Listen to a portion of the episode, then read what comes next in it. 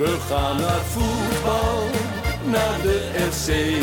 En dan is het Dat uh, is Jan van Dijk die heeft het beslist. Ja, fantastisch natuurlijk. Is tegen Ajax of bij een? Roestak en het is 2-0. Juichen wij als FC Roestak met zijn tweede. Juichen wij als FC Groningen weer scoort. Conform in de podcast, aflevering nummer 38 van seizoen 5. Mijn naam is Maarten Siepel en voor de laatste keer dit seizoen zit ik aan tafel met natuurlijk Wouter Holsappel Hallo.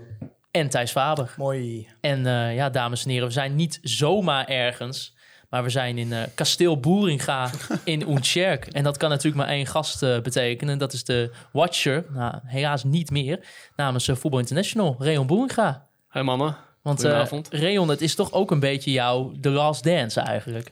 Ja, je zegt niet meer, maar eigenlijk zitten we nog een beetje in, in, in de nasleep van het seizoen.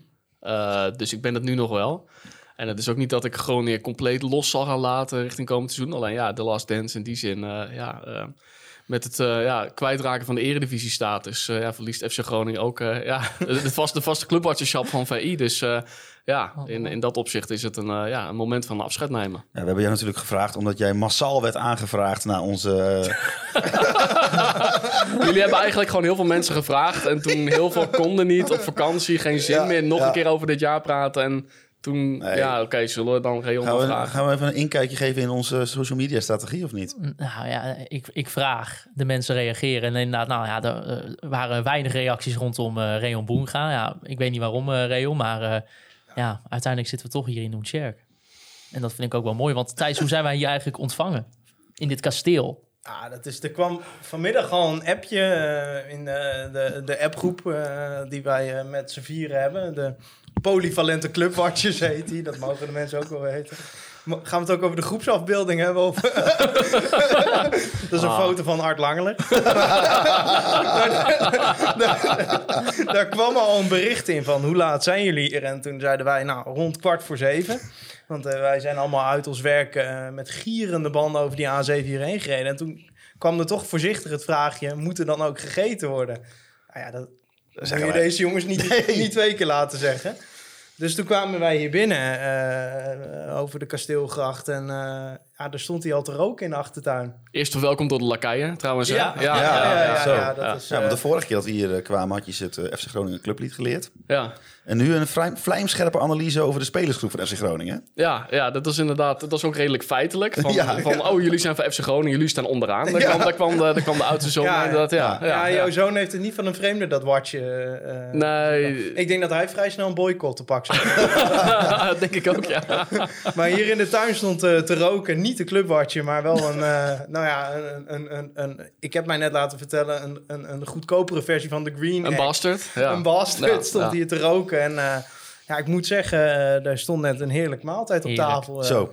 Kippenpoten met verkoolde aardappels. Dus dat was... ja, er, wa er, waren er een paar verkoold en die van jullie waren goed. Ja, ja, ja, ja het is representatief denk ik voor het seizoen van FC Groningen. de clubwatje kan nog geen aardappel poffen. nee, nee, dat is de pijnlijke de realiteit helaas. Ja, want wij gaan in deze podcast natuurlijk eigenlijk even terugblikken op dit krankzinnig seizoen. Mooi, ja, ik, ik lach er een beetje. Want ja, het, het, normaal gesproken als we een beetje zo'n zo'n seizoen gaan, nou eigenlijk her reconstrueren eigenlijk. Dan, nou, dan, dan zijn we een keer uh, tiende geworden en dan zeggen we, nou ja, Casanvillo, leuk seizoen, goed ontwikkeld. Uh, Duarte, nou, daar gaan we volgend seizoen wel meer van zien. Maar alles wat er dit seizoen is gebeurd. Uh, Reon, jij schreef ooit een artikel over, uh, wat denk ik, anderhalf maand geleden of zo. Ja. Met, met een reisje. Nou, dat, dat kan je nog vervolgens eigenlijk aanvullen met de dingen die in de laatste maanden nog zijn gebeurd. Maar uh, ja, het is te veel om op te noemen. Mijn script is zeven pagina's. Maar we gaan straks toch proberen om het een beetje chronologisch te doen. Ik was nog wel benieuwd uh, naar hoe jullie naar de laatste wedstrijd hebben gekeken. Die hebben we natuurlijk niet besproken, omdat er geen podcast was vorige week. Maar de 0-5 tegen Sparta, dat, was, dat was wel echt de cherry on the cake. Nou, ik moet zeggen, wij zouden smiddags naar een theatervoorstelling gaan in het Forum. En die zou grotendeels tijdens die wedstrijd vallen. En uh, nou, vooraf hadden we nog wel even tijd. Het was heerlijk weer natuurlijk. Het is alweer twee weken geleden. Of een week. En uh, het was heerlijk weer. Dus uh, wij zaten lekker op het terras en op de horloge. Ah, kut, half drie. Nou, naar binnen. En dan ga je zitten. Ja, en op een gegeven moment die rode kaart en die, die 1-0. En toen zeiden we tegen elkaar, zullen we weer naar buiten? Joh. Ja. Nou, voor de rest heb ik niks gezien. Eh, Ik bedoel, in dat forum heb je namelijk geen internet. Dus het is allemaal beton.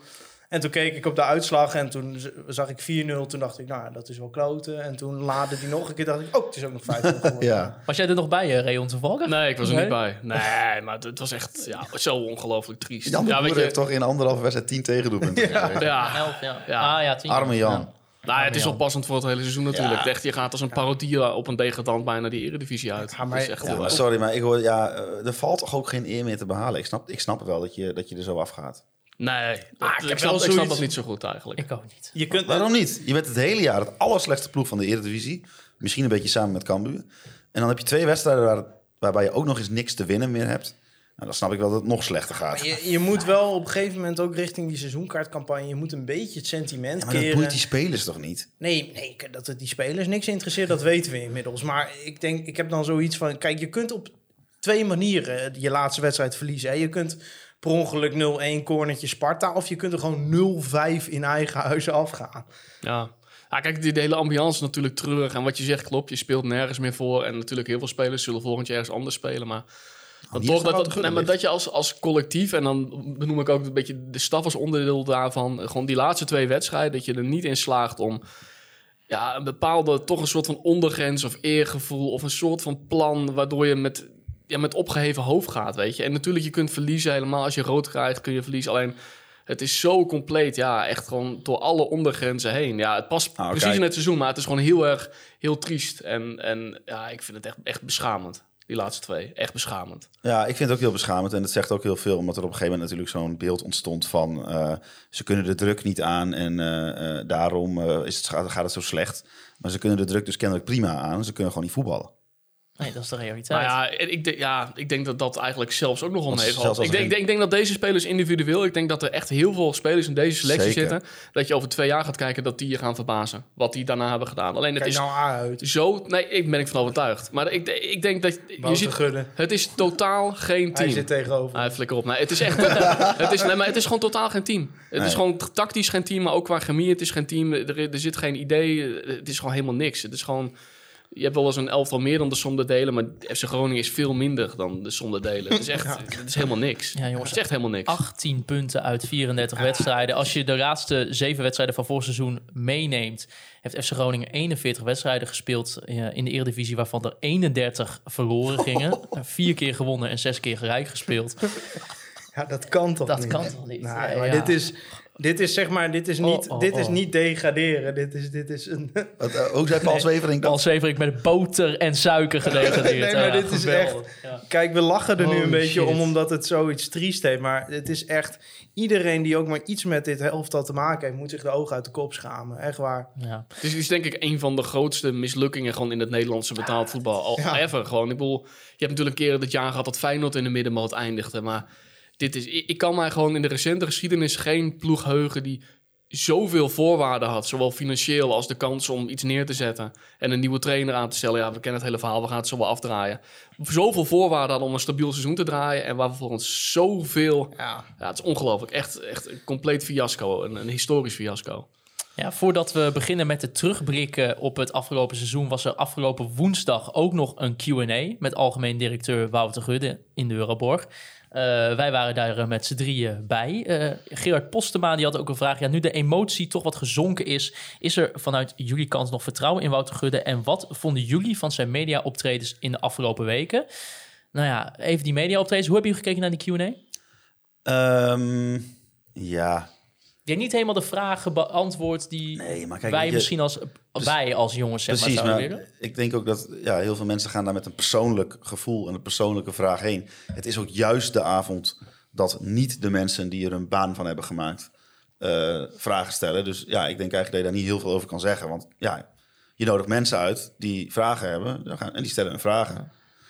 Dus ja, je, je- ja een beetje, jij- vooral veel nog- over veiligheid hè, en dat soort dingen. Ja, ja, je merkt toch dat dat blijkbaar wel een, eh, een groot ding is, ook toch Ja. onder de supporters die daar aanwezig waren. Thijs, hoe heb jij gekeken dan wel na- naar de dingen die Gudde zei? Zat er nog iets bij waarvan je dacht van ja, hier kan ik wat mee? Ja, die hele, we hebben alles fout gedaan en nu wordt het beter plaat. Ik, eh, ik heb daar 0,0% vertrouwen in. Echt het is voor de bühne, komt het voor hem goed uit dat hij dat op deze manier zegt. Hij kan ook niet veel anders, maar ik zou niet weten waarom hij het, waarom hij het ineens kan keren. Want er wordt dan zo'n beeld geschept alsof dit afgelopen seizoen niet het FC Groningen was wat hij wilde, zeg maar. Maar dit is zijn beleid. Dit is zijn beleid en dit is het gevolg van zijn beleid. En waarom zou, omdat het falikant misgaat, zou het ineens helemaal anders gaan? Ik heb wel vertrouwen in de mensen die hij nu heeft neergezet met Veldmaten en met Lukien. Maar nou ja, ik denk dat je plus nog een forse investering het voor elkaar moet krijgen om te kunnen promoveren. Maar ik ben met name bang voor het jaar daarna. Stel, we zouden promoveren, dan heb, zit je daarna weer in dezelfde problemen. Want ik, ik denk niet dat hij geschikt is om dit te doen, om dit te keren. En dat is gewoon mijn gevoel. Uh, en ik denk dat ik uh, na het afgelopen seizoen ook alle aanleiding heb om dat te zeggen. Dus dan is het heel leuk dat hij beseft dat hij alles fout heeft gedaan. Maar ik zou veel liever hebben dat daar consequenties aan zitten. Alleen het probleem is, ik denk dat het niet goed voor de club is om nu ook nog je directeur kwijt te raken. Maar dat is voor mij echt het enige argument dat ik vind dat hij niet zou moeten vertrekken. Op basis van de gehaalde resultaten vind ik niet dat hij nog het recht heeft om volgend seizoen directeur van deze club Nou, te als, zijn. je, als je, Dus je moet hem laten zitten, want het is gewoon beter voor de continuïteit van de club. Maar ik heb er geen vertrouwen meer in. Als je analyseert zeg maar, wat hij tot nu toe gedaan heeft, dan zou je kunnen concluderen dat hij heel goed is geweest om een bepaalde bocht te nemen met de club. Dus om van een oude situatie een nieuwe situatie te creëren. En daarin heel veel voorwaarden te scheppen om succesvol te zijn. Dus je zou eigenlijk kunnen zeggen dat hij heel goed is in het veranderen van een organisatie. Nou, dat hij goed is in een frisse wind zijn. Hij heeft echt de boel opge, opgeschud en uh, er stond een, eigenlijk het fundament lachte. Alleen als je dan vervolgens kijkt van, uh, is het hem ook gelukt om toen de bocht eenmaal genomen is om rechtdoor te blijven rijden op het doel af. Ja, toen is hij ergens uh, van de weg af. nou, ze hebben de oogkleppen wel opgezet, maar het ging wel richting de afgrond en niet naar boven. Reon, hoe kijk jij daarnaar? Ben je het in die zin eens met Thijs over hoe, het, uh, ja, hoe eigenlijk de, ja, de status van Wouter Gudde momenteel zou moeten zijn? Of? Nou ja, ik denk, want wat hij dus natuurlijk, we hebben het over media optredens, wat hij ook nou, bij, bij ons heeft gedaan, bij die Q&A wil je het over hebben, is dan eigenlijk gewoon het boetekleed aantrekken. Maar ja. nou, daar koop je natuurlijk niet zo heel veel voor, wat heel belangrijk wordt. En ik ben daar gewoon benieuwd naar en dat moet uit daden gaan blijken. Als je gewoon de rode draad kijkt van de afgelopen anderhalf jaar, uh, dan denk ik dat je een aantal dingen kunt aanwijzen die echt gewoon nou ja, uh, symbolisch zijn of gewoon oorzaken zijn van wat er allemaal is verkeerd te gaan. Ik denk gewoon interne, gewoon een fysieke cultuur. In de zin van hoe je als leidinggevende, uh, hoe je leiding geeft, maar ook hoe je omgaat met, tegen, met tegengeluiden, met, met, met oppositie, om het zo maar te zeggen. Nou, dat zou echt anders moeten, want nou ja, daar hebben we de voorbeelden allemaal van gehad. Wouter is daar niet heel sterk in, vind ik. Uh, en ook bijvoorbeeld had je laatst van het, uh, het verhaal toen Lukien, toen dat bekend werd, dat hij uh, naar Groningen zou komen. Toen, ja, toen stond hij ook bij, bij, bij ESPN vooral bijvoorbeeld echt boos te zijn dat Emma het volgens hem had gelekt. In plaats van dat hij bijvoorbeeld zei van, nou ja, het had een andere keer uit mogen komen, maar we zijn blij met deze trainer. Dus die reflex van um, een beetje het wij-zij denken, het, een beetje het vijand denken, dat zit er nog wel in. En dat, ik denk wel dat hij dat los moet laten. En wat hij ook echt beterschap in zou moeten tonen is... Uh, constateren en handelen. Ik bedoel, we hebben dit seizoen zoveel dingen uh, eigenlijk afgelopen anderhalf jaar aanzien komen. Uh, er zijn zoveel waarschuwingssignalen geweest. En het is ja, bijna onmogelijk om in die organisatie te zitten. Nou, het is wel mogelijk als je inderdaad op een bepaalde manier je oogkleppen ophoudt of vertrouwt op de verkeerde mensen. Uh, die waarschuwingen in de wind te slaan of er niet daarna te handelen. En dat is nou, dit seizoen ook gewoon een aantal momenten geweest waarvan je denkt: hoe kan je daar niet gehandeld hebben? En, ja, hij zal echt moeten zien, of moeten laten zien, dat hij dat anders gaat doen, dat hij dat beter gaat doen. En ja, schuldbekentenis is één, dat is reflecteren van inderdaad, ik heb heel veel fout gedaan. Uh, maar vervolgens moet je daarna gaan handelen. En ja, dat, in dat opzicht is het woord nu aan hem om dat vertrouwen uh, terug te winnen. Ja, jongens, voorafgaand uh, aan dit seizoen. Ik heb even naar aflevering 1 geluisterd van seizoen 5. Daar deden wij ook toch niet allemaal voorspellingen drie, komen waar je ons niet mee om de oren gaat slaan. wij hadden voorspeld wat de, nou, de rang rijstpositie voor FC Groningen zou zijn. Uh, Thijs, jij was het meest positief, toch wel verrassen, met een zevende plaats. Uh, ik had de plek 8 gezet en uh, ja, Hols, jij was dan toch de negatiefste. Toch wel misschien nee, de, het, meest, het heldere licht. Nee, ik wil het zeggen, ik zat er het goed dichtstbij. Plek 10, maar ja... Als je, als je even terugkijkt, Thijs, ook met de periode dat ja. we bijvoorbeeld in het prachtige Hannover zaten. dat we met de auto gingen naar sporthotel Voegsbachtaal. Nieuwe trainer met Frank Wong, ja, frisse, frisse wind, wind gezelligheid. Ja, we, we, moesten, we zeiden toen ook wel van... oké, okay, ja, je, je, moet wel oppassen met te positief zijn... maar nou ja, we hadden wel voorspeld dat het niet zo dramatisch zou Nou, zijn. Eigenlijk met, met terugwerkende kracht, als ik ook terugdenk aan de conversaties die we daar toen met Mark-Jan Vladeris hebben gehad, dan hadden bij ons alle alarmbellen al moeten afgaan. Echt de manier waarop die mannen over de selectie praten. Van, ja, en dan, ja, ja, Kalli, die gaat zich defensief natuurlijk ontwikkelen. Dus dat wordt een toplinksback. Die ga ik voor heel veel geld verkopen. Zo stond hij daar echt, hè. En ik zeg, en aanvallend dan, want je bent nu wel afhankelijk van Strandars. Ja, vind jij dat? Vind jij dat? Heb jij gezien bij Heracles hoeveel aanvallers er beter zijn geworden onder Frank Wormoed? Waarom zou dat hier niet kunnen gebeuren? Hij zegt Loemvist, nummer 10, die hebben we weer helemaal in de picture. Dat komt helemaal goed. Die jongen heeft hartstikke veel stappen gemaakt. Zo ging die echt die hele selectie door. En wij hadden zoiets van, nou ja, oké, laat maar zien dan. Maar eigenlijk had je toen al moeten zeggen, van ben je niet helemaal al goed bij je hoofd of zo? Ik vond het vooral ook ja, een beetje, zeg maar, een, niet grappig voor per se Moussampa zelf, maar dat hij stond te oreren dat ja, Moussampa en Kelly, die moesten dan de, gaan uitmaken wie dan de linksback zou worden. En dat toen een kwartier later Moussampa eh, in, het, in, het veld, eh, in het veld trapte en zijn enkel en zijn knie klopt, ja. sloopte. Ja, dat is voor hem heel triest. Zeker. Dat heeft hem toen wel geforceerd om een linksback te halen. En toen haalde hij een linksbuiten. En toen hadden hij een linksback die volgens Wouter Gudde één wedstrijd in de viermans verdediging heeft gespeeld.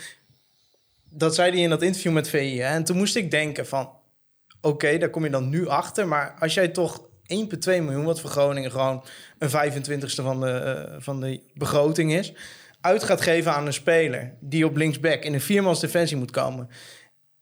De man die nu verantwoordelijk is voor ons technische beleid, die heeft gezegd, oh, is goed joh, één wedstrijd, prima. Dat bedoel ik meer. Dus het is met zoveel dingen als je terugkijkt dat ik denk: oké, Gudde zegt wel, ik had meer hè, het naar me toe moeten trekken.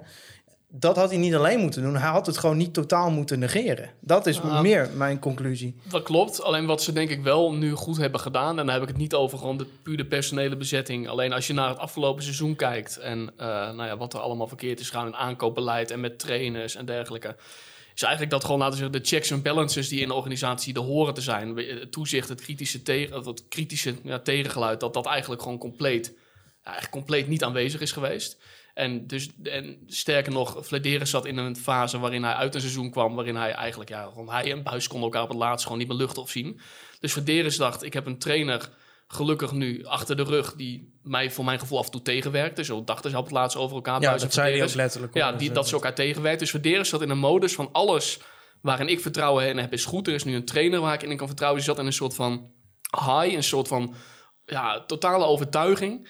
Eh, alleen er is niemand die hem tegengeluid heeft gegeven. En wat ze nu, eh, daar wil ik even naartoe, wat ze denk ik nu wel op zich wel goed op orde hebben met dat soort van technisch hart dat er dan nu is. Ge, ja, Eh, eh, Het compositieoverleg. het compositieoverleg, het compositieoverleg, sorry. Nee, maar het technisch hard dat er is dat ik denk, of tenminste dat is de opzet. En ik denk dat die opzet goed is. De praktijk moet het, moet het, moet het gaan zien. Maar dat je met mensen als, eh, behalve Gudde, maar ook Veldmaat en Lukien, die ik allebei hoog heb zitten, Langeler, moet ik zien. Maar dat je wel met meer ogen gaat kijken naar belangrijke dingen. En dus niet wat jij aanhaalt van ja, dat je iemand hebt, Vladeris, die zegt van ja, we klappen daar gewoon 1,2 miljoen Ja, tegenaan. En dat je de achter- scouting hem had afgekeurd. Precies. Dus, en dat is eigenlijk, ja, die, in- waar, waar ik net ook had, die interne cultuur, hoe je met elkaar omgaat en hoe je beslissingen neemt, dat is echt niet normaal, hoe dat geweest is. Ja, dus, maar- vind, dus het is wel goed dat ze dat onderkend hebben en daar nu wel naar gehandeld hebben met dat, nou ja, het compositieoverleg. Maar wa- waar ik moeite mee heb... Kijk, het gaat altijd over Paul Matthijs, Edwin Bolt en zo... dat die eruit zijn gewerkt omdat ze kritiek hadden. Maar er zijn ook genoeg mensen in die organisatie die er nog steeds zitten... die ook die kritiek hadden. Die ook toen Meta werd gehaald en de halve scouting had, had afgekeurd aan de bel trokken. En daar heeft Gudde ook niks mee gedaan. Dus eh, weet je, dit moet niet de podcast worden van elke keer maar terugkijken wat Gudde fout heeft gedaan. Want hij heeft alles fout gedaan ongeveer op sportief gebied. Maar ik bedoel meer te zeggen van... Hij maakt zichzelf er wel makkelijk van af door elke keer te zeggen van ja, ik had het meer naar me toe moeten trekken.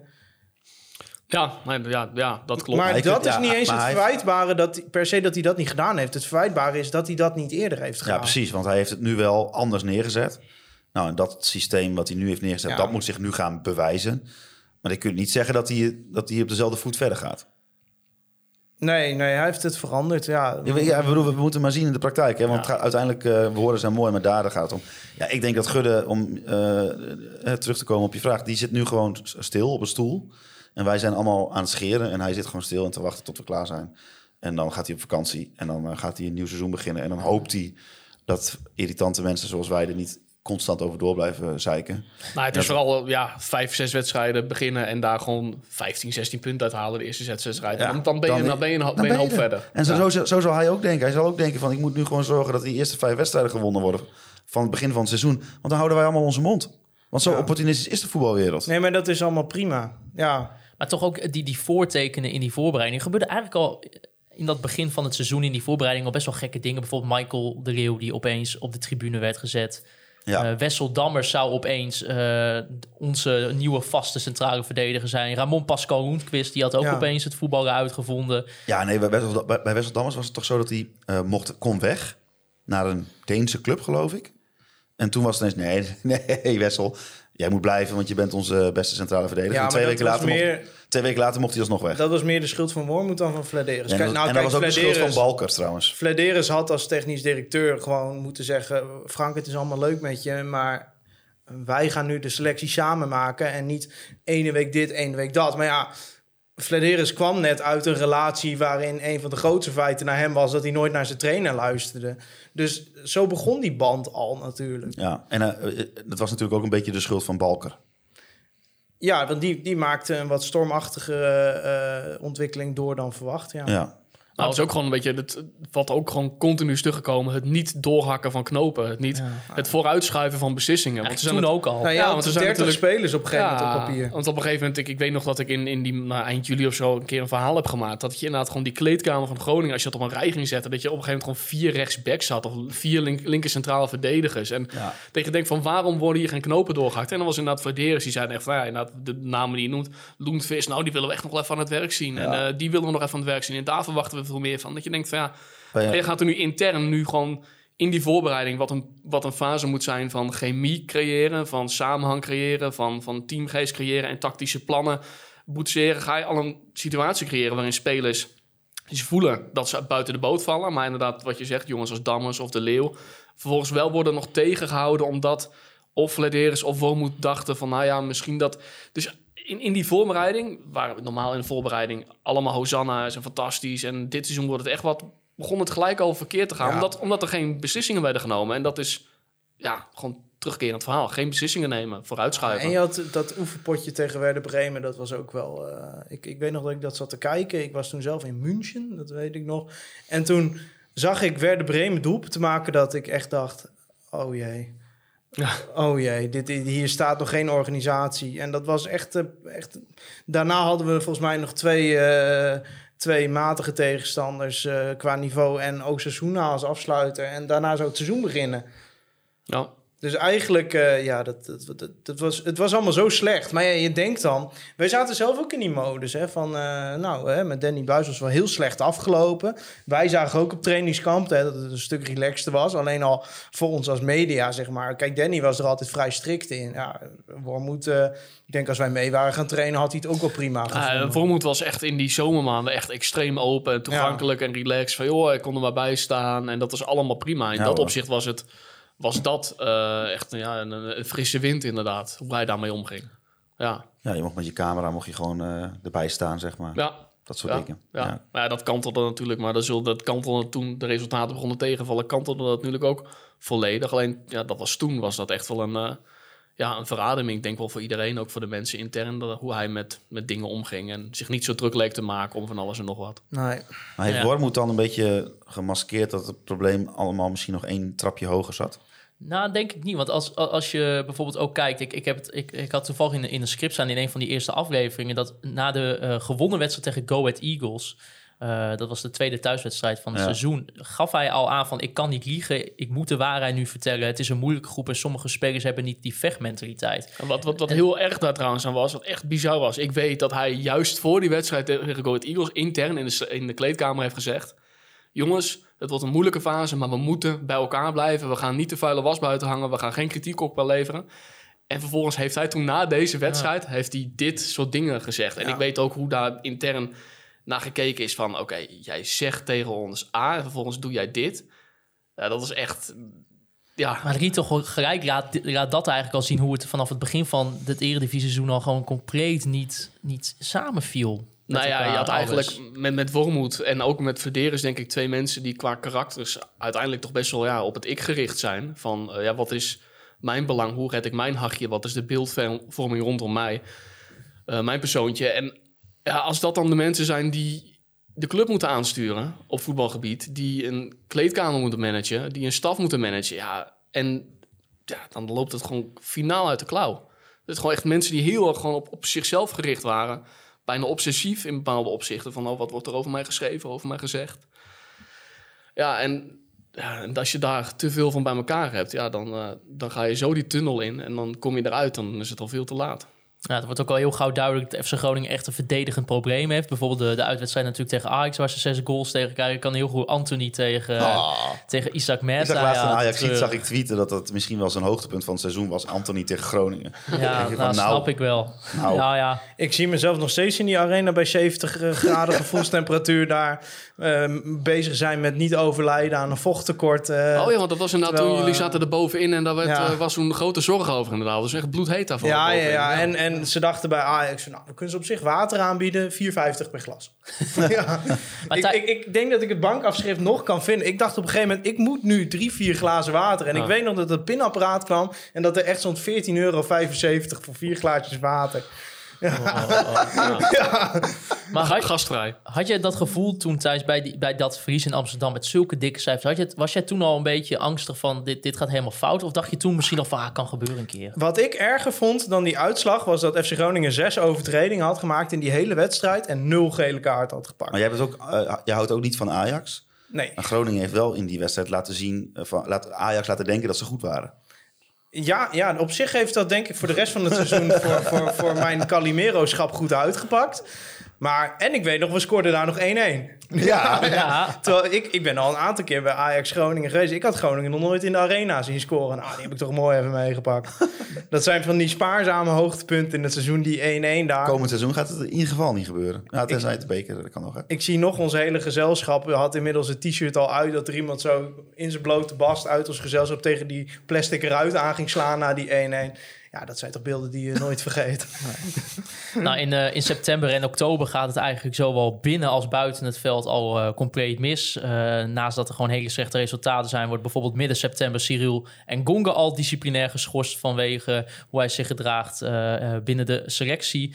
En ja, dan, dan heb je het rijtje met de Iran-uitspraak van Frank Wormoed. eh, met als, als gevolgen van de RTV Noord-boycott. Met, het, eh, met als aanleiding het verhaal over de hond van Paulus Abraham. Er was ook een podcast natuurlijk met zaakwaarnemer van Frank Wormoed, Roderick van Kerkhoff. Waarin het eh, duidelijk werd dat het eh, allemaal niet zo lekker verloopt binnen de technische staf. Uh, Flederis zei toen de tijd zelfs nog... ja, we zijn aan het onderzoeken hoe we beter kunnen samenwerken. Het is op dit moment niet optimaal... maar het is niet zo dat we niet met elkaar door één deur kunnen. Eh, Reon, heb jij dat misschien ook in, in die... misschien ja, is het drie maanden ook wel gemerkt... dat er iets van chemie ontbrak als jij bij die club kwam? Misschien ook tussen de mensen Jawel, die dat- daar werkten? Dat merkte je echt al heel vroeg in dat seizoen. Dat je ehm, nou ja, signalen gewoon kreeg vanuit de club. Vanuit mensen die je spreekt. eh, dat er gewoon, ja, gewoon dingen verkeerd gingen. Tussen uh, Wormoed en de selectie. Tussen Wormoed en zijn collega's in de staf. Eh, dus dat werd al best wel snel duidelijk. Want in het begin, zeg maar, die eerste reeks was niet eens zo heel erg slecht, weet je. Ik bedoel, het was wel onder, onder verwachting, maar je, kunt, ja, je kon daar nog wat verzachtende omstandigheden op plakken. Alleen, ik weet nog dat ik er toen na volgens mij een wedstrijd of 6, 7, 8 een keer een stuk over, over had geschreven. Nou ja, dat dit soort dingen toch wel ja, echt wel een probleem aan het worden, eh, ja, aan, het, aan het waren. Of zo, ik kom er even lekker niet uit. Aan het worden waren. Aan het worden waren, zo dankjewel Thijs. Nee, aan het worden waren. En ja, ik, Wormoed die was daar zelf eh, behoorlijk nijdig over. Ik heb, ik heb het toen, eh, wat je doet, je legt zo'n verhaal leg je voor aan eh, als, horen, als horen en wederhoor. Dus ik heb dat verhaal toen naar hem gestuurd van joh, Frank, ik heb dit stuk geschreven, staat woensdag in de VI, wil, jij daar, wil je daar je plasje over doen? En toen was voor het eerst ook voor mij duidelijk van nou, die hele ontspannen setting die je dan in de zomer had gehad van nou ja, een frisse wind, dat daar toch ook een ander verhaal aan zat. Want ja, hij kon daar gewoon ja, totaal niet mee omgaan. In plaats van dat je, nou, wat- ik best wel vaak met trainers of met TD's heb meegemaakt, ook bij andere clubs, is dat je altijd wel een onderlinge verstandhouding houdt van eh, oké, iemand vindt het soms vervelend als je kritisch over hem schrijft. eh, maar weet wel dat je dat doet vanuit je professie en niet omdat je iemand een hak wil zetten of omdat je het op iemand voorzien hebt. En wat er in die fase ja, rondom Wormoed gebeurde, ook met die podcast die je net aanhaalt, is eigenlijk dat hij het heel erg persoonlijk toen al maakte. En dat, eh, dat heeft tot hele gekke situaties geleid. Dat hij bijvoorbeeld geen wederhoor uiteindelijk wilde geven, maar probeerde ja, allemaal rare grepen uit te halen, dat stukken anders moesten en zo. En als hij daar dan geen grip op kreeg, dat hij heel erg ja, eh, hele rare dingen ging doen. En met uiteindelijk, ja, met, met dat podcastverhaal ook. En ja, de, de professionaliteit in die zin was best wel ver te zoeken. Ook, eh, en je merkt aan alles eigenlijk dat het toen al gierend uit de klauw liep in die fase rondom, laten we zeggen, speeldag 8, 9, 10 van het seizoen. Ja, want jij hebt uiteindelijk dat filmpje van dat interview eh, geplaatst over die Ja, Iran-boycott. ja. Ik weet nog goed hoe dat ging. Namelijk, nou ja, we hebben het al eerder over die appgroep gehad. Ik Ja. stuurde dat gewoon van hier, kijk, dit is net gebeurd, zeg maar, Ja, voor de ja, wedstrijd. Ja. En dat was toen al drie uur later of zo. Ja. Had toch, eh, Dimitri had dat toch op Twitter gezet? Ja. Nou, ik, heb hem, ik heb het filmpje heb ik in elk geval ook op Twitter gezet. iemand uit onze vriendengroep had dat gestuurd. Ja, en ja. ik had het ook niet gezien. Toen heb ik het gewoon om te laten zien van, hé, hey, dit is Mhm. gebeurd. Ja. En toen had jij zoiets, want, want ik ken je normaal zou jij dat niet meteen aangrijpen, zoiets. Maar jij vond dat volgens mij toen zo indicatief voor alles. dat, dat precies. ja. Dat was in een fase van het seizoen waarin dit soort dingen eh, ja, gewoon zo gierend uit de klauw liepen. Ook nou, met die persboycott. dat, dat, dat je vanuit de club, die zat zo in een reflex waarin ze eigenlijk alles eh, wat, nou, wat, wat zij dachten buiten die club stond, media, eh, als bedreigend zag en niet en als vijand zag. En dat je dan dit soort dingen erbij kreeg, weet je, dat ik echt denk van ja, dit, dit loopt gewoon complete spuigaten uit. En voor mij was het inderdaad nou precies wat je zegt. Dit, dit, dit is echt gewoon symbolisch voor alles wat er nu binnen die club verkeerd gaat en hoe er over dingen gedacht wordt en hoe ze ja, echt nog in die tunnel zitten en ja, waarin de gekste dingen gebeuren. Ze hebben gewoon een compleet eigen visie op wat journalistiek is.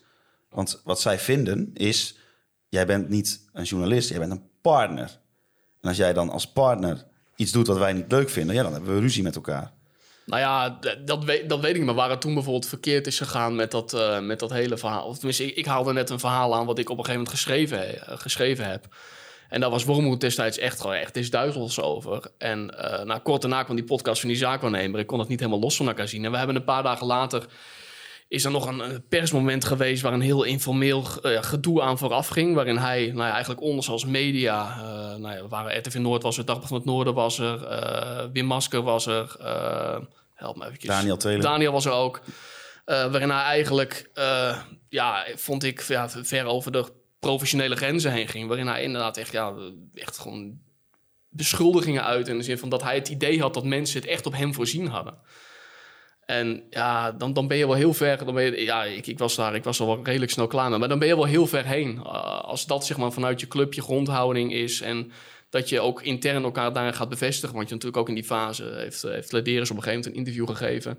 Waarin, uh, nou dat was wat later, dat er bij Strand Larsen was geweest. Dat in Spanje allemaal veel positiever was. En, nou, en, en Gudde heeft nog een keer een interview gegeven over die pers, persboycott van, van RTV Noord. Waarin hij ja, ook eigenlijk gewoon zonder, zonder enig tegengeluid daarover kon leeglopen. Hoe hij dan ja, uh, Stefan Bleker betichtte van het een en ander. Wat ik echt, Slechte intentie. Nou, wat, ik vond het echt, echt, echt ongelooflijk. Echt ongelooflijk. Ik vind het trouwens ook, en uh, ik vond het ook ongelooflijk dat daar geen, enkel, geen enkele tegengeluid in dat verhaal stond trouwens hoor. En dat, verder ga ik niks over collega's zeggen, maar ik vond het echt ongelooflijk. Dat je ten eerste dat je, dat, dat je het zegt, dat het opgeschreven wordt... en dat ja, eigenlijk gewoon, ja, gewoon een journalist in het kwaad daglicht gesteld wordt op die manier. En dat was ook echt tekenend voor hoe het op die manier... op dat moment binnen Groningen eraan toe ging. Hoe er gekeken werd naar mensen die ja, niet bij het clubje hoorden. Nee, en, ja, die, dan ga je echt hele rare dingen doen. Die zaakwaarnemer van uh, Wormoed, die zei in de podcast... dat jij verliefd was op, op uh, Danny ja, Buis. Dat weet ik ja, nog heel ja. goed. Ik heb het nog niet gezien hier. Nee. Ja, hij, hij, hij is hier niet, toch? Nee. nee Jij meteen ruzie thuis natuurlijk. Ja, uh, het was echt... Ik, ik, ik weet nog steeds, uh, die, die podcast op een gegeven moment... Uh, die kwam online en ik kreeg daar berichten van. En een van die berichten was van, van, van jou, Wouter. Die zei, jij vroeg aan mij, wie is Roderick van Kerkhoff? En ik had toen die podcast nog... Ik had nog helemaal niks gezien, maar ik wist dat Roderick van Kerkhoff... dat dat de zaakwaarnemer was van Frank Womoed. Dus ik zeg tegen, tegen jou, ik zeg, dat is de zaakwaarnemer van Frank Womoed. En ik, jij reageert van, hè? Nee, dat is onmogelijk. Je moest gewoon lachen. Je hield het voor onmogelijk. Ja. Ik zeg, hoezo dan? Van had ik je aan de telefoon. En je zegt, nou, die man heeft net een podcast geüpload... waarin hij, nou ja, de vuile was buiten hangt over Groningen... allemaal dingen zegt over het medialandschap. En ik zeg, echt, dat meen je niet. Nou ja, en... Nou, ik moet wel ja. zeggen, in hun uh, defense... Ik heb uh, de hele podcast heb ik ademloos geluisterd. En ik heb een zeer slechte spanningsboog. Dus wat dat betreft hebben ze een goede ah, wat ik, wat ik wel serieus nood apart vind... ik weet, Gudde en Flederis waren des duivels over die podcast. Die vonden dat vreselijk. En dat heeft die zaakbenemer ook te horen gekregen. Ja, weet ik ook, ja. Dus toen was er wel, zeg maar, toen kwamen ze ineens wel voor de media op in die zin. Of ze waren gewoon... Nou, ja, ik denk dat ik ze denk er meer zij- problemen hadden met de interne, wel- de interne Ja. Zaken kijk, die hij aankaart. van mij hoeft de club niet per se op te komen voor de media. En de media, ik vind op zich, om er even advocaat van de duivel... ik vind journalisten vaak niet de beroepsgroep... waar heel veel zelfreflectie aanwezig is. Maar het sloeg bij FC Groningen echt totaal door op een gegeven moment. Zeker omdat Flederis met drie bijvoorbeeld... journalisten aan tafel. Hè? En wij- laten ons omdat Flederis ook op een gegeven moment inderdaad die, die heb- steek onder water ging uitdelen en zo. En, en, en, en eh, Ja, maar het is helemaal niet erg hè, als je, met, als, je als club ehm, met, met, met journalisten in een bepaald spanningsveld zit. Dat, dat heb ik eigenlijk bij elke club. In een seizoen kom je in fases terecht. Als je even kritisch bent of als het slecht gaat, kom je daarin terecht. Alleen als je van beide kanten maar het respect naar elkaar houdt. En ook weet dat het eh, zakelijk is, dat het professioneel is. En eh, je kunt best als club af en toe even uitdelen. Je kunt best als club af en toe even incasseren. Dat geldt voor, voor als journalist ook. Soms moet je echt incasseren. Soms zit je zelf, word je zelf ook geschoren. Maar als je het echt over de intenties van mensen gaat hebben... of echt ja, gaat op- openlijk gaat betwijfelen... eh, ja, of openlijk twijfels gaat zaaien over... Ja, waar mensen mee bezig zijn, om, ja, bepaalde, ja, met bepaalde intenties, ja, dan, dan, dan ben je gewoon klaar. Dan, je- dan, dan, ben je ook af, hoor. Vind ik. loopt Dan ben je echt helemaal af. Je, je staat eh, aan de rand van het ravijn en een, een zetje is nodig om erin te vallen. Dan, nou, Stefan eh, is, gaat het dan in dit geval over, die benoemt dat met regelmaat dat dingen slecht gaan. En dan, ga, en dan wijzen naar iemand van, ja, eh, dat mag je niet zeggen. Dat nou, nu ik vond eigenlijk nog veel erger dat ze dan over de inhoud van de kritiek zeiden: ja, jullie willen allemaal meteen resultaat zien, jullie geloven niet in het proces. Nou, het is zelfs zo erg. We hebben na de winterstop nog de helft van de punten gehaald als we voor de winterstop hadden gehaald. Er was geen proces en ze wisten dat donders goed. En alsnog zijn ze die strijdjes allemaal aangegaan, niet wetende wat dat allemaal voor schade zou berokkenen. Ja, maar Ja, ze, wilden, ze wilden op dat moment gewoon... Ze wilden heel erg graag eh, dit seizoen rust hebben. En dat wilden ze creëren door heel veel controle te houden. En eh, het was natuurlijk vorig jaar met, met het vertrek van, eh, van Danny Buis... en een aantal andere dingen... is het gewoon heel onrustig geworden. En je merkte heel erg, en dat hebben mensen ook al tegen me gezegd... dat nooit meer. Dat is echt het idee. En de manier waarop dat mensen dat be- wilden bereiken... is gewoon door dingen onder controle te houden. Maar ja, wat gaat, gaat er gebeuren als je onder controle wil... eh, dingen onder controle wil houden... en ondertussen ja, lopen van alles gierend uit de klauw... ja, dan moet je hele rare grepen gaan uithalen.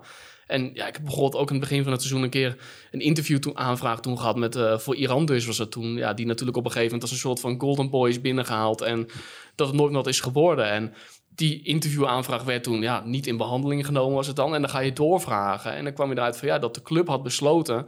eh, dat ze meer regie wilden hebben over wie wanneer aan het woord kwam. Over wie wanneer zijn verhaal ging doen. Dan denk ik bij mezelf van ja jongens, ja, dat kun je doen. Of dat kun je proberen. Alleen als dingen dan verkeerd gaan, ja, dan kom je echt in de meest gekke situaties terecht. maar- En ik denk persoonlijk dat je, je moet het niet zo serieus nemen. Je haalt eens een keer een speler binnen die het slecht doet.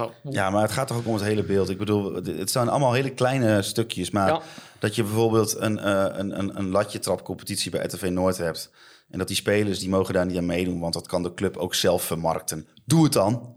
Ja, ja eh, Jongen, maar er zijn toch... eh, kijk, allemaal van die hele kleine Ik, stukjes. ik vind nog steeds dat je als club natuurlijk wel daar zelf grenzen aan mag stellen. Ik heb er veel meer moeite mee dat, dat gewoon... Er lijkt geen beleid achter te zitten.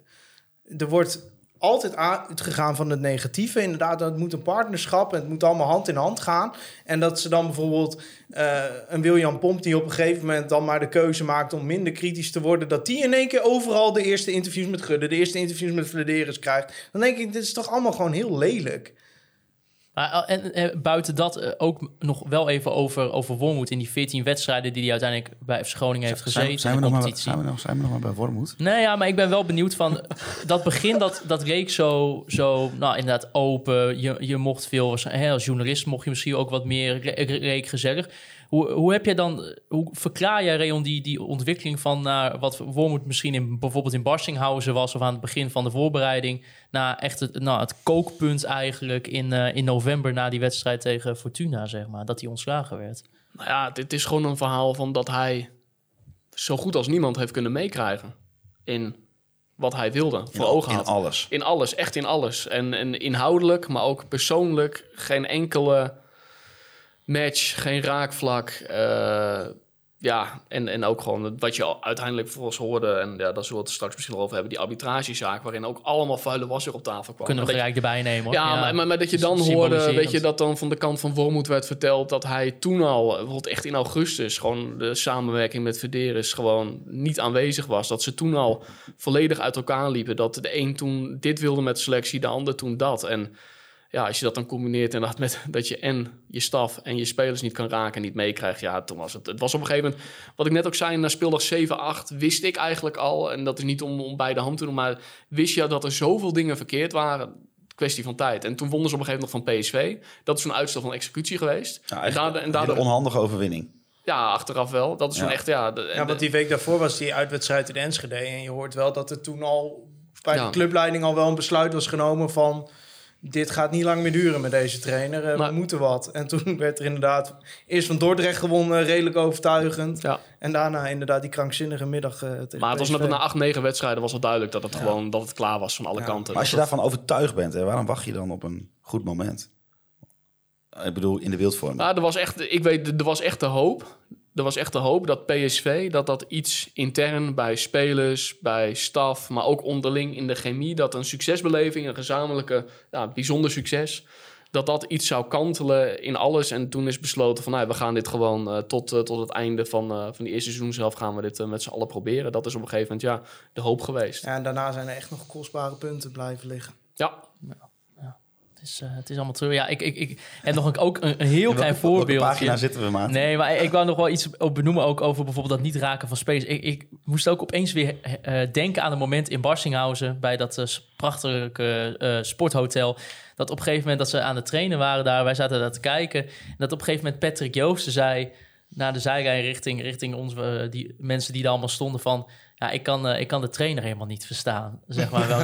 Maar achteraf, weet je wel, het is wel een soort van... ook wel weer toch weer extra prijs voor ook het, het, het, het opa-verhaal... Wat, je- wat je op een gegeven moment Oh, ook ja, nog had. Of zo. inderdaad ook gewoon het, het- ja... Op een gegeven moment eh, was er ook niet die docu, die 100 dagen met Wormoed... dat je op een gegeven moment zo'n soort van spelersbespreking ziet... en dat ik echt dacht, nou, als je Ja. dit moet volgen, jongen, dat is eh, moeilijk. Maar het is wel...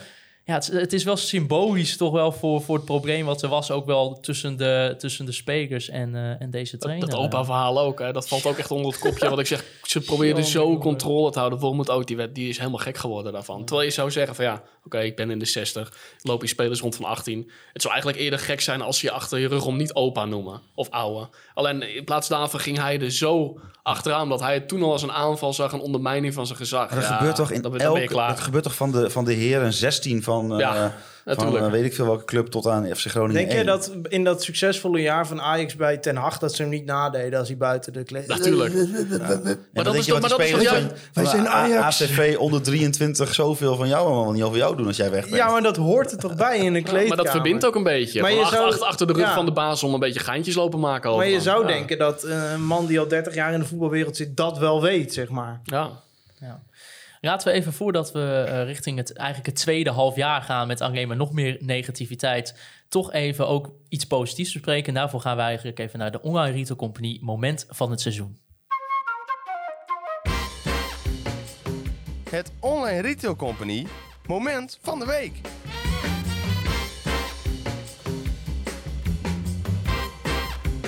Ja, ons moment van het seizoen, gesponsord door onze grote vrienden van Online Retail Company. Eh, Eh, ja, zie die, je die de- barbecue die komt niet van Online Retail Company, denk ik, hè? Nee, maar hoeveel webshops hadden ze ook alweer? Nou, drie minder dan FC Groningen punten heeft. Godverdorie. 15 gespecialiseerde... Hij had er wel vandaan kunnen komen. Ja, en Ja. ik wil dat je dat getal 15 even in je hoofd houdt. Want je kunt ook nog eens met de code KVM, conforminder staat dat voor, voor de oplettende luisteraar, 15% korting op het gehele assortiment. En dat is dus bij 15 verschillende... Ja, het is, Ja. het is alsof ik... Het is een soort Daar zet V- ik mijn bril voor. Het is een soort VVV-bon, hè? Zo'n bon die je gewoon in zoveel winkels kan inzetten. Ja, ik heb van Lennart gehoord, eh, de eigenaar van de Online Retail Company. Ja, die, die verdient niks meer. Want iedereen die kortingscode, alle marge Het is een soort filantroop eigenlijk. Van, ja. ja. Ja, maar ja, ja, zo werkt dat gewoon. Alle marge Wat geeft weg aan die kortingscode. Wat mooi. Nou, en volgens mij zei ik het toen de vorige keer ook al, toen we jou te gast hadden in de podcast. Toen zei ik van, nou heb je niet nog ergens ruimte eh, in en rondom je huis voor zo'n opblaaszwembad? Maar ik, ja, ik heb hier nu die, die, die kasteeltuin gezien. Eh, daar, Ja. daar passen er wel twintig. Ja, dat zou kunnen, ja. Ja. Maar ja, het is natuurlijk niet helemaal, helemaal milieubewust, hè. Gewoon water, opblaaszwembad. Dat, Nee. dat is eigenlijk niet meer helemaal Ja, maar 2023. hier in Friesland hebben ze toch genoeg water, of niet? Ja, dat dan weer wel. Ja, maar ik, eh, ik ga er eens even naar kijken vanavond. Zwembadstore.com eh, Zwembadstore.com, aanradertje. En, en die code, hè? Ja, ja, ja. Want eh, ja, ik, ik, ik dacht van, we moeten toch, en ik ben heel erg benieuwd, ik wil even jullie hersenen prikkelen, prikkelen om toch een moment van het jaar te vinden. Eh, het werd, ik ga in ieder geval aftrappen door te zeggen, ja, ik heb, eh, ja, je kan ook niet heel weinig, ehm, over, je kan maar over weinig dingen heel enthousiast zijn, maar toch inderdaad die, die periode van FC Dordrecht uit... Met het invallen van Jan de Boer, eh, die, die de tweede helft eigenlijk afmaakt ter vervanging van Peter Leeuwenburg. Met vervolgens nou, zijn basisdebuut tegen PSV met iedereen boeren, boeren, boeren op de tribune. Ja, dat, eh, dat vond ik geweldig. Is, is misschien zelfs een van mijn mooiste FC Groningen momenten ooit. Ik vond, het gewoon, ik, ja, ik vond dat zo, ik vond dat zo, ik vond dat zo ongelooflijk kult. Ja. Al- alles klopte die dag, ook met die overwinning. Dat, dat je opeens gewoon hup, de ene na de andere goal vliegt erin tegen PSV. Het kon niet gek. En dan ja, en in, ook nog die goal van Joey Pelupessi op het eind. Met dat, ja, het, het, is- een beetje zo'n volksman de Pelupessi. En dat kwam daar helemaal tot uiting. Ik vond dat, eh, ik vond dat zelf eh, fantastisch. Bij mij eh, was het toch wel eh, de contractverlenging van Art Langeler. Gaan we nou echt zo cynisch doen, ja? Nee, maar ja, maar heb je niet, heb je niet iets, iets Ja, nee, je- wat jij ook zegt. Ik bedoel, wij hebben, wij hebben als groupies hebben we Jan de Boer naar de wedstrijd opstaan wachten om met hem op de foto te gaan. Ja.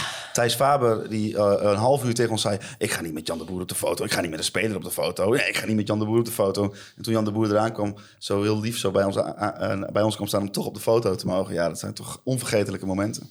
Ja. Thijs, heb jij nog iets? Ja, jij bent eh, natuurlijk eh, soms wel zuur van aard. Het eindsignaal van FC Groningen Sparta. dat is mijn moment van het seizoen. dat, dit, dat dit ophoudt eindelijk. Dat, dit gigantisch dit- ophoudt. Dat, dat dit tranendal afgelopen is. heb jij, Dat dit- heb jij dat nog een dit- artikel, Reon, dat of een dit, dit, interview? Dit, dit scheepswrak van een seizoen eindelijk. Als je, de er, als je er iets positiefs moet... Ik denk dat eh, de benoeming van Dick Lukien, om daar iets positiefs... Ik denk dat dat uiteindelijk richting de toekomst... dat dat, eh, dat, dat eh, Groningen verder gaat helpen. Ja, nou, ik raad Jij het en. Lukien, dat is ook allemaal maar... dat Maar goed dat hij weggaat. Ja, er is geen enkele vorm De, van de, de objectiviteit. Van. Veendamse connectie. Ja, ik wou ja. zeggen, dat is, eh, dat is dat Veendamse. Ja, ja. Ik ben nog even langs uh, Lange Richt eh, gereden eh, vorige week. Ja, Oh, is dat eh, zo? Ja, ik, ik hou altijd van Veendam.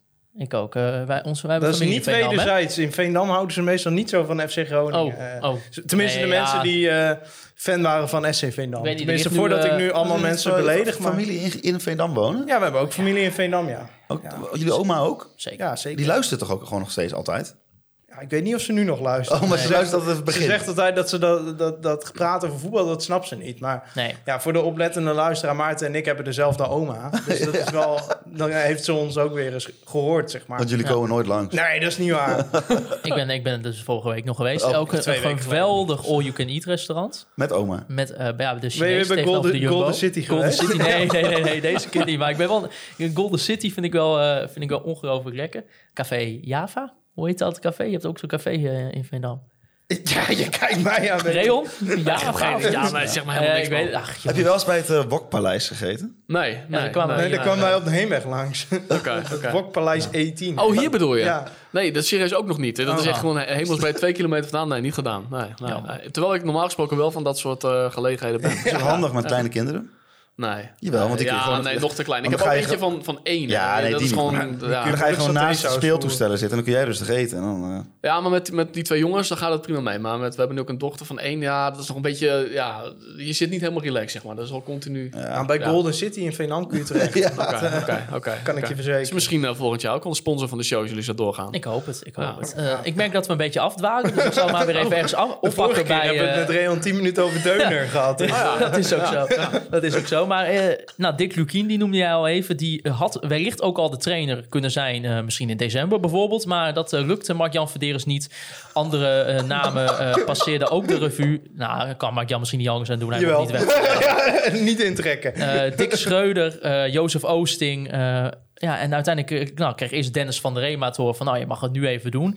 Ehm, als interim, eh, om vier weken Stagiair. later te horen... dat hij daadwerkelijk de definitieve trainer zou zijn om het seizoen af te maken. Ja, hoe is het toch eigenlijk mogelijk geweest, jongens, dat er geen nieuwe trainer is gekomen. Mark-Jan. Vladeris. Ja, Mark-Jan Vladeris. Maar eh, vraag aan jou, Reon. Jij was degene die dat van Dick Schreuder bracht. Ja. Waarom is dat nou niet doorgegaan? Want jij was er vrij zeker van. Ja, ik was er op een gegeven moment redelijk zeker van dat dat zou gaan gebeuren. Of tenminste, ik, ik, het was op, gewoon een feit dat ze op een gegeven moment heel ver met elkaar waren. Dat ze heel ver met Ja. elkaar in gesprek waren. En weet je ook waar het op is geklapt? Of, Nee, eh, nee, nee tenminste, ik durfde, ik heb er wel wat geruchten over gehoord. Alleen, ja, weet je, dat, dat, dat, dat ga je een beetje in de, in de speculatie. eh, In de speculatie. Nee, dat Ja. weet ik echt niet. Maar ze waren echt heel ver. Ik bedoel, met, met Lukien, die wilde zelf ook wel. En Emma lag daarvoor. Nou ja, oké. eh, Klopt het dat het voor een miljoen had gekund? Weet ik niet. Lukien naar, eh, naar Groningen. Weet ik niet. Weet ik niet. Ik weet, ik weet dat. Oosting heeft gewoon eigenlijk min of meer gelijk gezegd, niet nu. Weet je, kom, misschien komen we de zomer terug. Nou ja, hij is inmiddels eh, voor die tijd is hij eh, al voor de zomer door, door 20 gestrikt.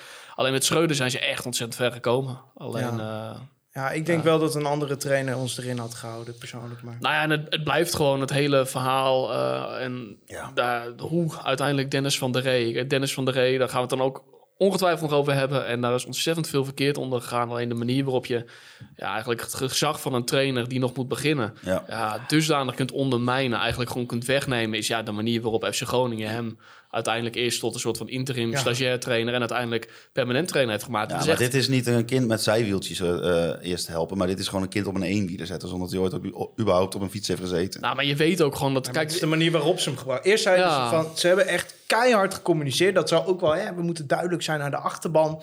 Hè, hij gaat het nu doen, maar hij wordt het echt niet hoor.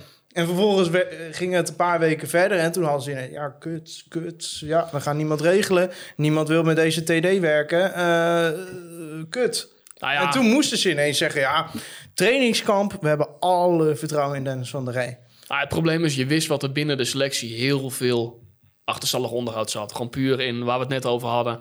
Er was geen chemie, er was geen cohesie. eh, gewoon groepen spelers die elkaar nou, totaal niet lagen. En dat was ook nog een erfenis van eind vorig jaar onder, onder Danny Buis... waarin ook best wel veel beschadigd is geraakt. En dat is onder Wormoed nog veel verder geëtterd. En dus je weet dat je de trainer die het zou gaan doen... een selectie erft waarin ja, wel zoveel te doen is. Ja. Niet alleen op tactisch, technisch gebied, maar ook gewoon ja, alles eigenlijk. Ja, en dan door op die manier een trainer aan te stellen, nou precies wat je zegt, gewoon eigenlijk bij al die spelers die namen hem eigenlijk vanaf dag één al van, nou ja, hij is over drie weken weg. En toen hij over drie, weken drie weken later werd hij bevestigd, en toen dachten ze, oh ja, hij staat, hij staat er alleen omdat ze niemand anders kunnen vinden. Nou, Ja. lekker dan. En daar moet jij dan als trainer, vanuit die Ja. positie, moet je de leiding gaan geven. Je- ja, je dan, dan, natuurlijk- dan ben je gewoon zo ver achter, sta je zo ver achter. Echt een gigantische blunder is dat geweest. En je komt natuurlijk uit een situatie waarbij de trainer eh, in een halve andere taal on- onduidelijk sprak. eh, waar, waar ze dus ook niet in geloofden. En dan snap ik best dat de eerste paar weken, als er gewoon een eh, trainer voor de groep staat die je wel kan verstaan, tenminste het grootste gedeelte van de groep.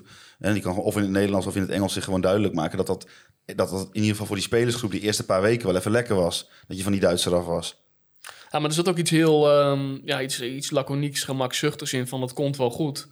Want ik weet nog die, die laatste oefenwedstrijd die ze speelden tegen Almere. Zo. En ja, dat was echt... toen, eh, samen te kijken? Ja, ja, dat was echt, echt, echt om te huilen zo slecht. En daarin zag je dat eigenlijk die hele positiviteit die de weken daarvoor was... precies wat je zegt van een nieuw gezicht, een nieuwe manier van leiding geven... dat, dat het eigenlijk helemaal niks waard was, gewoon Nee. puur op het veld. En wat ik, wat ik echt op dat moment al heel misplaatst vond... Ja, Vladeris was niet bij die laatste wedstrijd. Die zat toen in Spanje, bij, eh, bij Strand Larsen. En daar heeft hij ongetwijfeld ook zinnige dingen kunnen doen... in het netwerken en alles. Alleen, je hebt een trainer aangesteld... eigenlijk op een manier waarop je een trainer niet moet aanstellen... Vervolgens moet je als TD of als directie er alles aan doen om die trainer vervolgens wel te steunen, het proces in de gaten te houden, te kijken, hey, wat gaat er verkeerd, gaat het van de rails af, blijft het op de rails. Alleen, hij was er niet. En er zat in die hele periode, dat eigenlijk die hele club natuurlijk in de brand stond, Wormoed was ontslagen. Er zat ook iets heel laconieks in. Ik weet ook nog een persmoment waar ik bij was, waarin dan ja, door, door onze journalisten werd gevraagd van, maar je gaat dus nu Van der Rey aanstellen, eigenlijk zonder enige duidelijkheid naar hem toe, zonder enige duidelijkheid naar de speler toe. Je maakt er een beetje een open eind van en misschien dat we morgen, volgende week of over twee weken een trainer vinden. Dat is toch geen manier? Was En dat het persmoment dat Thijs niet bij mocht zijn? dat zou kunnen, ja. Dat, zou kunnen. Nee, maar, maar, maar, maar dat is heel laconiek van. En dat, dat Vladeris vond dat het op die manier kon. Ja, Alleen ja, kom op. Ja, maar het, het- het is gewoon, zeg maar... Ik, zoals ik FC Groningen was, zou ik gewoon bijna onderzoeken of je Vladeris kan aanklagen. ja, maar dit is gewoon bestuurlijk wanorde. Ja, maar, kijk, maar, maar, maar, maar je moet- Verwijtbare fouten die leiden tot een negatief bedrijfsresultaat. ja, maar het, ik denk dat hij vanuit zijn perceptie goede keuzes heeft Ja, maar gemaakt dat op is dat moment. het hele probleem Ja, met natuurlijk, maar, natuurlijk. Maar het is niet zo dat hij... Kijk, want we hebben het er nu over eh, van dat er heel veel fouten zijn gemaakt. En dat is ook zo. Alleen ik denk dat hij door de fase waar hij uitkwam met Buis... wat natuurlijk gewoon een, over en weer een best wel een vijandige interne sfeer heeft Ja. gecreëerd... dat hij daarna zo ja, in een soort van geldingsdrang... maar ook heel erg in het, in het ik moet het bewijzen... heel erg met de beeldvorming bezig zijn... en, echt, en, ja, en ook gewoon echt een behoorlijk ja, eh, behoorlijk zelfverzekerd blijven en heel erg in je eigen, in je eigen waarheid blijven zitten. Terwijl ja, toch wat signaaltjes zijn dat het wat minder gaat. Ja, dat je dan toch keuzes gaat maken waarvan je op dat moment denkt van... hé, hey, dit is de weg.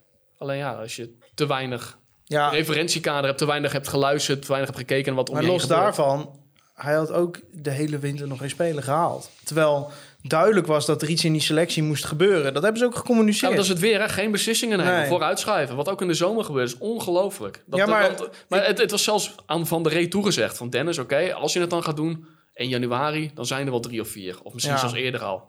Nou, Nee, ze want wij net. speelden tegen eh, toen- maar Excelsior. toen toen eh, eh, daar vragen over werden gesteld, over van waarom zijn er nog geen spelers? Ja, de transfermarkt is nog niet open. Dat was toen, moeilijk, dat was toen, heel moeilijk te maken. dat was toen het Ja. antwoord. Heel Terwijl je, je kunt natuurlijk prima al in december afspraken met clubs en spelers maken over een transfer die je op 1 januari gaat Ja, doen. maar het is ook gewoon... Op een gegeven moment spelen wij tegen Excelsior... ik geloof 6, 7 januari of zo uit. Acht, in mijn- in mijn Uiteindelijk gewoon een cruciale wedstrijd. Ik heb nog even teruggekeken. In die opstelling, elf, spe- elf spelers. Dat, dat, dat was wel Mooi, gelukt. dat is mooi. Dat was Van der Rey wel gelukt. Ehm, twee spelers ouder dan 21. Tom van Bergen maakte zijn debuut op een plek waar hij nog nooit had gespeeld, namelijk rechtsbuiten. Blokcel maakte zijn debuut. En voor de rest was het gewoon nog dezelfde meuk die ons de eerste seizoen zelf al bijna op degradatie had gezet. Ja, en we In die hadden- januari maand heb je gewoon drie keer je drie concurrenten op dat moment om degradatie ben je alle drie tegengekomen. Je hebt ze alle drie verloren. En een ene eh, revelatie natuurlijk. Hè, met, eh, was een geweldig gezien. Dat heeft ook het hele seizoen zelf eh, volgehouden. Namelijk maar Groen op 6. Ja, maar dat soort dingen, dan, dan was dat het ineens weer. En ja, jij weet dat ook. In die winterstop, Flederis had op een gegeven moment wel het gevoel van... oh, ik denk dat we het met deze selectie ook wel gaan redden. Of in ieder geval, had zoiets van... volgens mij is dit nog niet zo slecht. Maar Ja, hij, was, hij, was, mij hij, heeft- hij- hij was redelijk zelfverzekerd. Ja, hij was heel overtuigd Ja. van die selectie nog steeds. Ik denk serieus dat eh Meta, die heeft eh, de Eredivisie eh heel veel geld opgeleverd dit seizoen. Want die Azarkan, die zag eruit alsof die Messi zelf was. Ja, En volgens mij na de wedstrijd van Ajax tegen eh, Groningen is eh Anthony voor tegen de 100 verkocht. maar wat er toen loskwam in die, in die periode... want je kreeg daarna Volendam op een gegeven moment ook, hè, die uitwedstrijd. Ja, dat was, eh, Eh, maar bijvoorbeeld ook Excelsior. Ja, doelpunt tegen uit de kopbal. Herenveen, kopbal. Toen dachten ze dus, kut, we moeten een lange verdediger hebben. Toen hebben ze dus Galoes gehaald. nou, Berg ook nog. Ja, Berg, maar ook Galoes, bijvoorbeeld, gewoon zonder te scouten. Die werd me aangeboden door een zaakwaarnemer. En dat is gewoon getekend, want hij was lang. Soma Manu is ook redelijk op die manier een beetje ad hoc van... Oh, Maar eh, dat is was het beleid en op een maar gegeven moment. Want ze, ze hebben maar gewacht en gewacht en gewacht. Terwijl Gudde niet doorhad dat een van de hoofdredenen dat Vladeris niet voor elkaar kreeg... was omdat Mark-Jan Vladeris degene was die belde. Ja, ik, ik, ik, weet, ik, ik weet niet of dat echt zo is. Nou ja, het is bij de zaakwaarnemer van Jan de Boer gebeurd. Ja, maar ja, er zijn natuurlijk meer, eh, er zijn natuurlijk meer zaakwaarnemers in de wereld. Nou, uh, Vladeris kent de drie, geloof ik. Maar eh, Nou, wat, ik wel, wat ik wel eigenlijk ook wel tekenend vond voor die periode en ook wel daarna is, want we hebben het over, nou ja, over, over Galoes en over Blokzeil, die natuurlijk onder Van der Rey veel is gaan spelen. Maar wat ik toen al en achteraf helemaal ook best wel, best wel een fout van, van Dennis van der Rey vind, is dat hij de weinige ervaring die er was, want je had net over heel, veel- zoveel tieners die er waren, gewoon totaal geen gebruik van gemaakt. En natuurlijk, Pelupessi is geen wondervoetballer. Mike de Wierik is geen wondervoetballer. Maar als je die jongens die volgens mij als persoonlijkheid... Nou ja, het zijn geen echte leiders in de zin van ze trekken de boel... maar het zijn wel redelijk stabiel, weet je. Je kunt daar wel een gesprek mee voeren. Het zijn geen domme gasten. Die hadden binnen die selectie, binnen die kleedkamer... best een belangrijke rol kunnen vullen, vervullen. En in plaats daarvan is eigenlijk Pelupessi... nou ja, eigenlijk vanaf het begin afgedankt. Helemaal weg. En, en Te Wierik is zelfs eh, echt rond door Van der Rey echt naar de uitgang, naar Emmen geduwd. Waar hij eigenlijk nou ja, vanaf, vanaf dat moment Kijk, hij heeft geen, geen eh, wedstrijd als Cafu gespeeld. Maar gewoon echt heeft laten zien dat hij gewoon een hele nuttige kracht is Ja, geweest. maar hij is beter dan Seuris en Galoes. Nou, dat denk ik ook. En hij kent de club. ja. Het is En een hij prettige hij persoon. had er eh, tegen Sparta en Vitesse nooit met de pet naar Ik gegooid. moet ook niet hypocriet doen. Ik was de, allerkleinste uh, Te Wierik-fan in die zin. Ik, ik- van mij mocht hij ook weg. Maar als je er dan brandhout voor terughaalt... dan had ik liever Te Wierik gehad. Want Te Wierik is honderd keer beter dan Galoes. Nou, maar er is ook geen, geen, duidelijkheid Maar denk bijvoorbeeld ook Aymar Cher is ook nog gehaald. Bijvoorbeeld, hè. Ja, maar Cher is nou echt exemplarisch Vladeris-materiaal. Je hebt het eigenlijk niet nodig. Maar als ik het haal en hij schiet er straks vijf in... dan is dat mijn, eh mijn eh, oogappeltje Wat voor hem natuurlijk, wat een hele ja, belangrijke drijfveer is voor zijn werk, voor Vladeris, heeft hij me ook al eens verteld, is dat hij er gewoon heel erg van geniet als hij een deal, in of uitgaand, voor zijn gevoel het onderste uit de kan kan halen. En dat hij een speler binnen kan halen of kan verkopen voor een prijs waarvan andere mensen zeggen, oh, hij heeft het toch wel knap gedaan. Ik weet je, met Stad Lars is dat bijvoorbeeld gelukt, heeft hij echt goed gedaan. Weet je, met, met Meijer is hem dat gelukt, heeft hij dat echt goed gedaan. En zo'n Cher, dat zit daar ook in, weet je. Dat is zo'n talent dat, ja, weet je... Mensen die voetbalmanager spelen, die kennen hem van twee jaar geleden. Toen speelde hij in Zweden en, en dan haalde hij hem op voor een miljoen... en dan was hij drie jaar later was hij 15 miljoen waard. En dat idee, weet je, zo'n beetje zo'n zo'n koopjesjacht, weet je... Dat, eh, dat zat er voor hem ook een beetje in. Het, het beetje, nou, toch, ja, kijken of wij dat er nou uitkrijgen. En dan is het over anderhalf jaar misschien weer de verkoop van Flederis. En dat, dat. Terwijl Groningen op dat moment aan heel veel behoefte had. Gewoon... eh, Behalve aan ja, nog, een, nog een aanvallende Nee, maar- middenvelder zonder, ja, zonder die, eigenlijk gewoon helemaal niet weerbaar was op eredivisieniveau. Ik vond, van, ik vond Scherren echt een soort van Daniel van Kaam, maar dan eigenlijk op 70%. En van Kaam had je in de zomer juist afgedankt. Het, het was echt in alle opzichten een totaal niet uit te leggen aan Nee, winst, maar aan ook winst de voorwaarden van die spelers, ze waren niet fit. Ze hadden vaak al drie, vier weken vakantie gehad, niet meer gespeeld. Eh, ze hadden eh, niet Nederlands sprekend.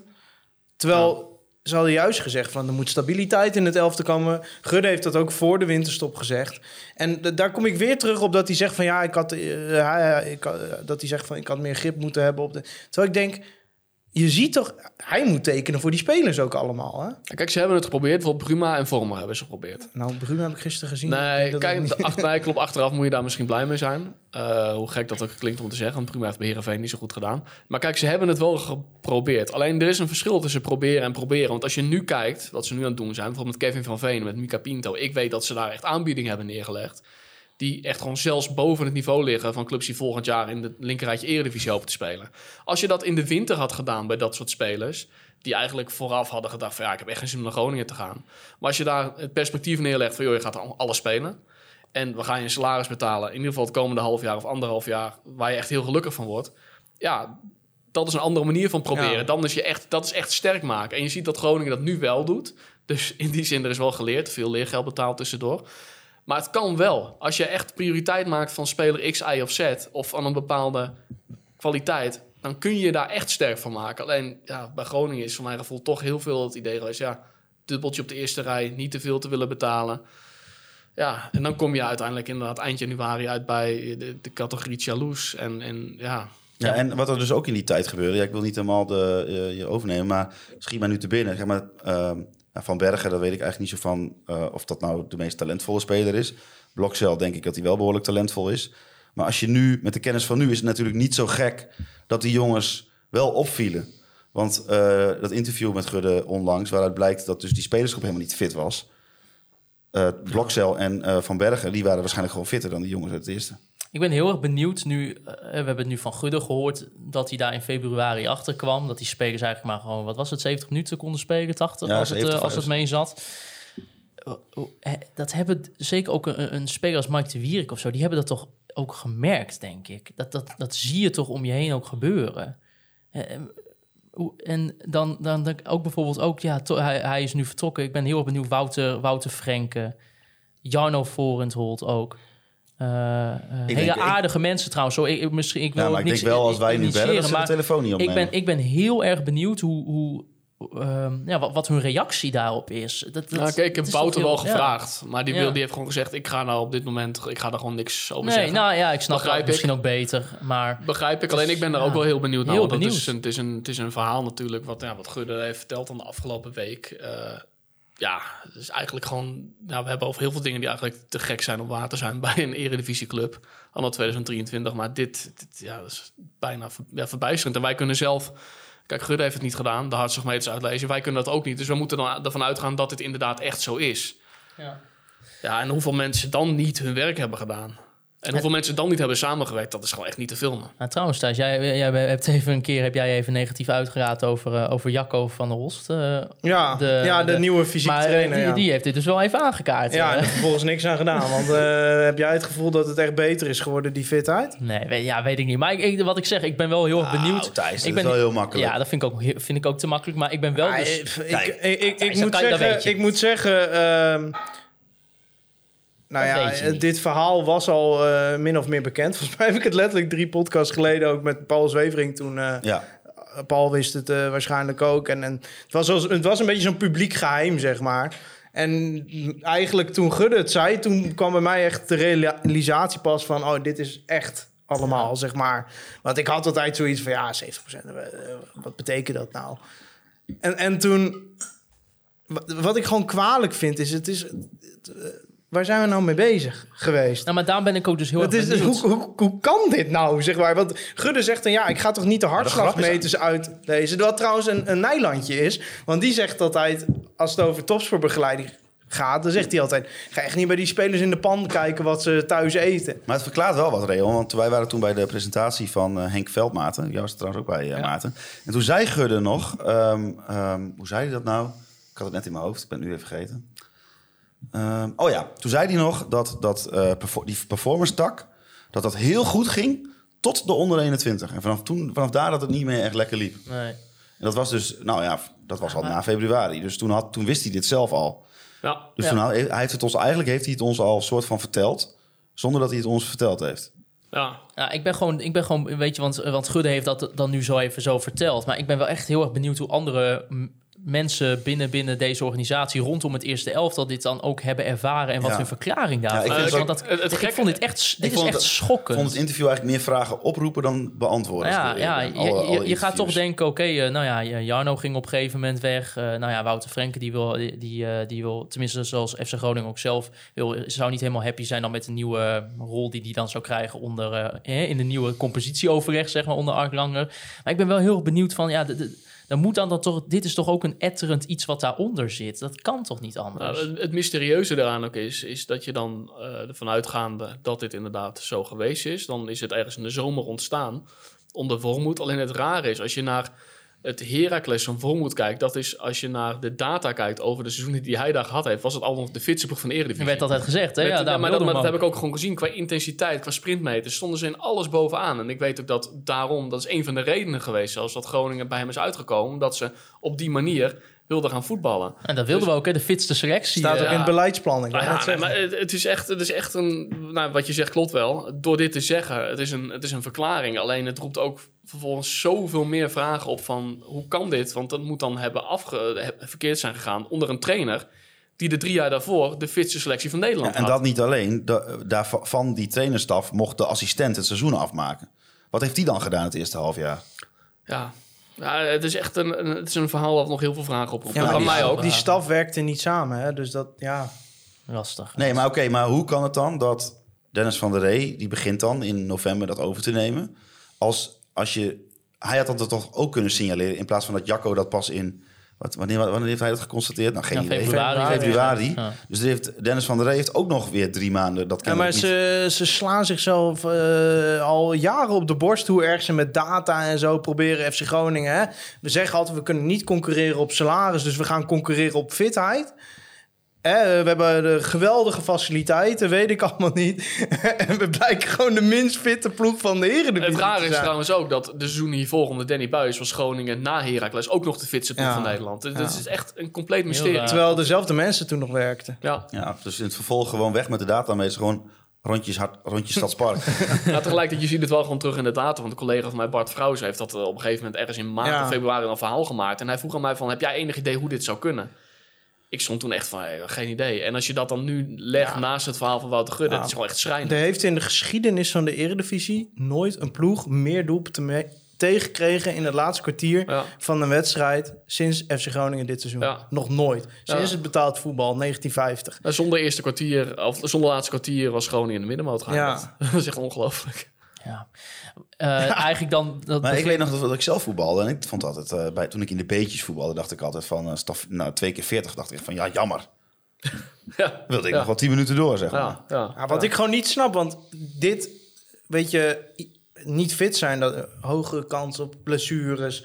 eh, je, zet, je kunt jezelf niet volledig op de kaart zetten. Is er nou echt geen speler die aan de bel heeft getrokken? Nou ja, maar dat ben ik dus benieuwd. Ik, ik, ik, eh, zeker een speler die bijvoorbeeld inderdaad ook onder Danny Buis heeft gezeten, als bijvoorbeeld eh, een Mike de Wierik, ben ik heel erg, zou ik heel erg benieuwd zijn van, heb je, niet beschuldigen per se, maar ik ben gewoon benieuwd, heb je dat gezien? Heb je dat gemerkt? Merk je dat misschien ook aan jezelf, hoe fit je je voelde? Zag je dat bij medespelers?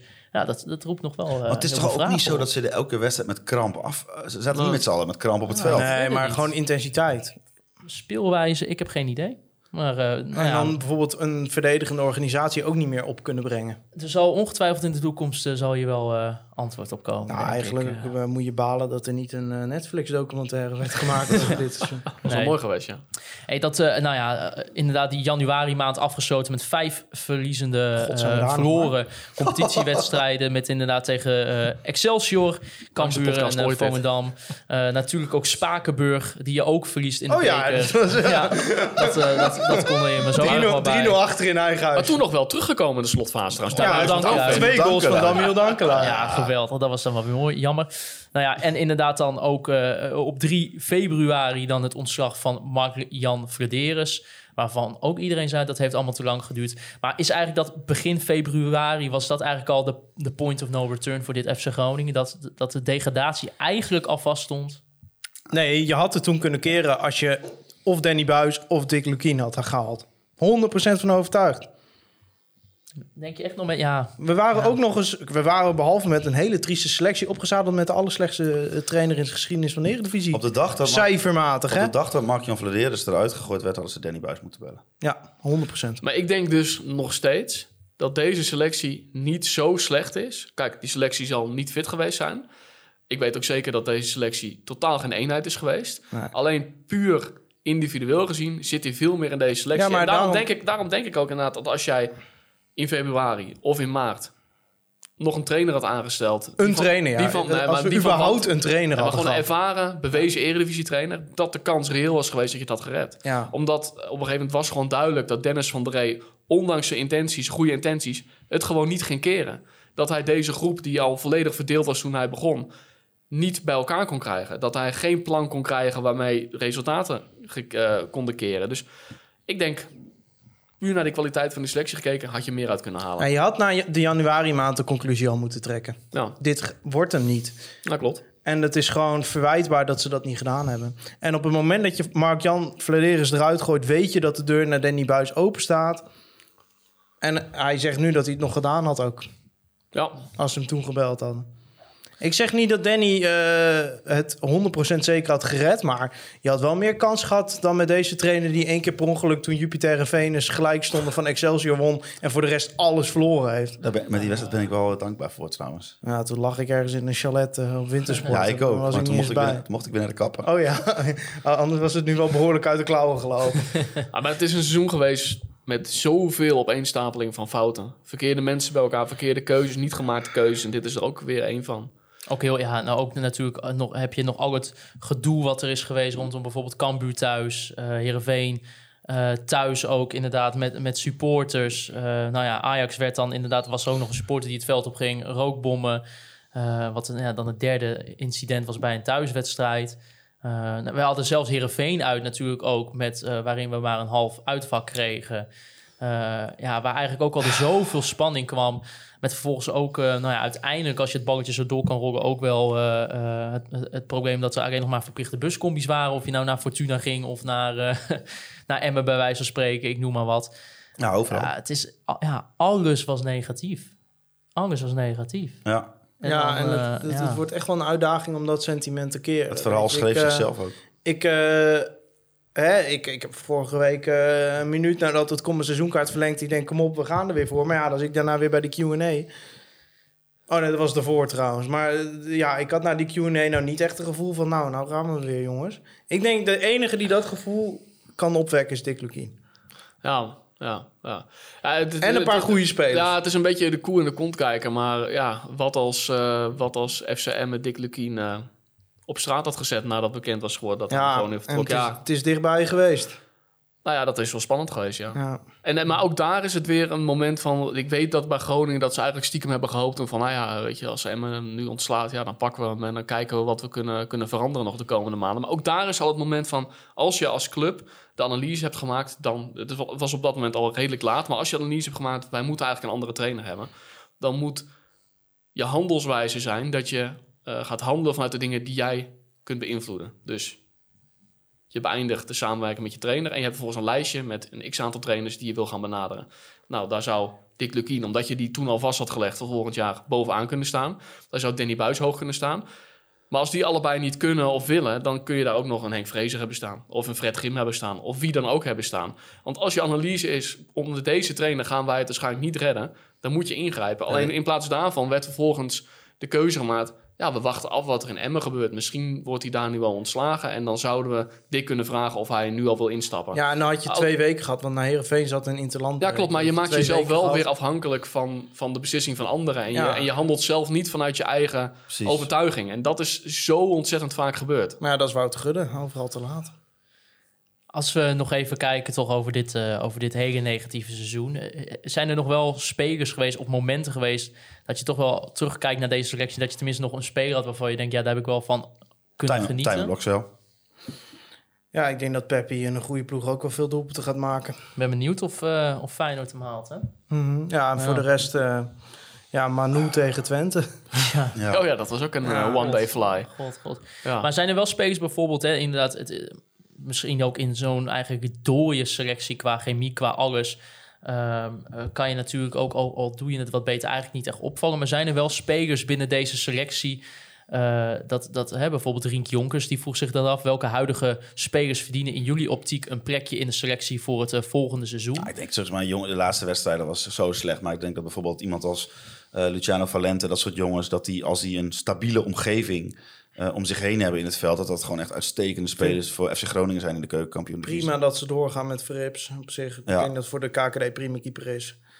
Ja, en ik, voor de rest zou ik vooral kijken om van zoveel mogelijk spelers af te komen. Want er moet gewoon eh nieuw elan. ja, maar ja, ik, ik, ik, Dan moet je 60, 70 Ik weet dat van die jou- selectie wegdoen. ik weet dat ik jou ook pijn mee, doe, doe Maarten. Maar eh, Isaac Metta gaat ook in de keukenkampioen-divisie een ongelooflijk slechte voetballer zijn. Ja, ik weet, maar ja, het feit dat ze nu Mika Pinto voor veel geld proberen te halen, zegt toch ook weer alles. Ja, maar zo'n Mata die zou ze nog best wel eens kunnen verkopen, hoor. Ja, oh, doe maar. Ja, maar, maar, maar, Ja. dat- maar- maar zo, zo gek als het is, want hij heeft gewoon echt gewoon puur individueel echt een heel slecht seizoen gedraaid. Maar het rare is, er zitten binnen dit FC Groningen best veel spelers, waaronder ook hij, die er internationaal in de markt best wel redelijk op staan. En Soeslof bijvoorbeeld ook, die natuurlijk echt een totaal rampjaar heeft gedraaid. Echt helemaal niks heeft laten zien.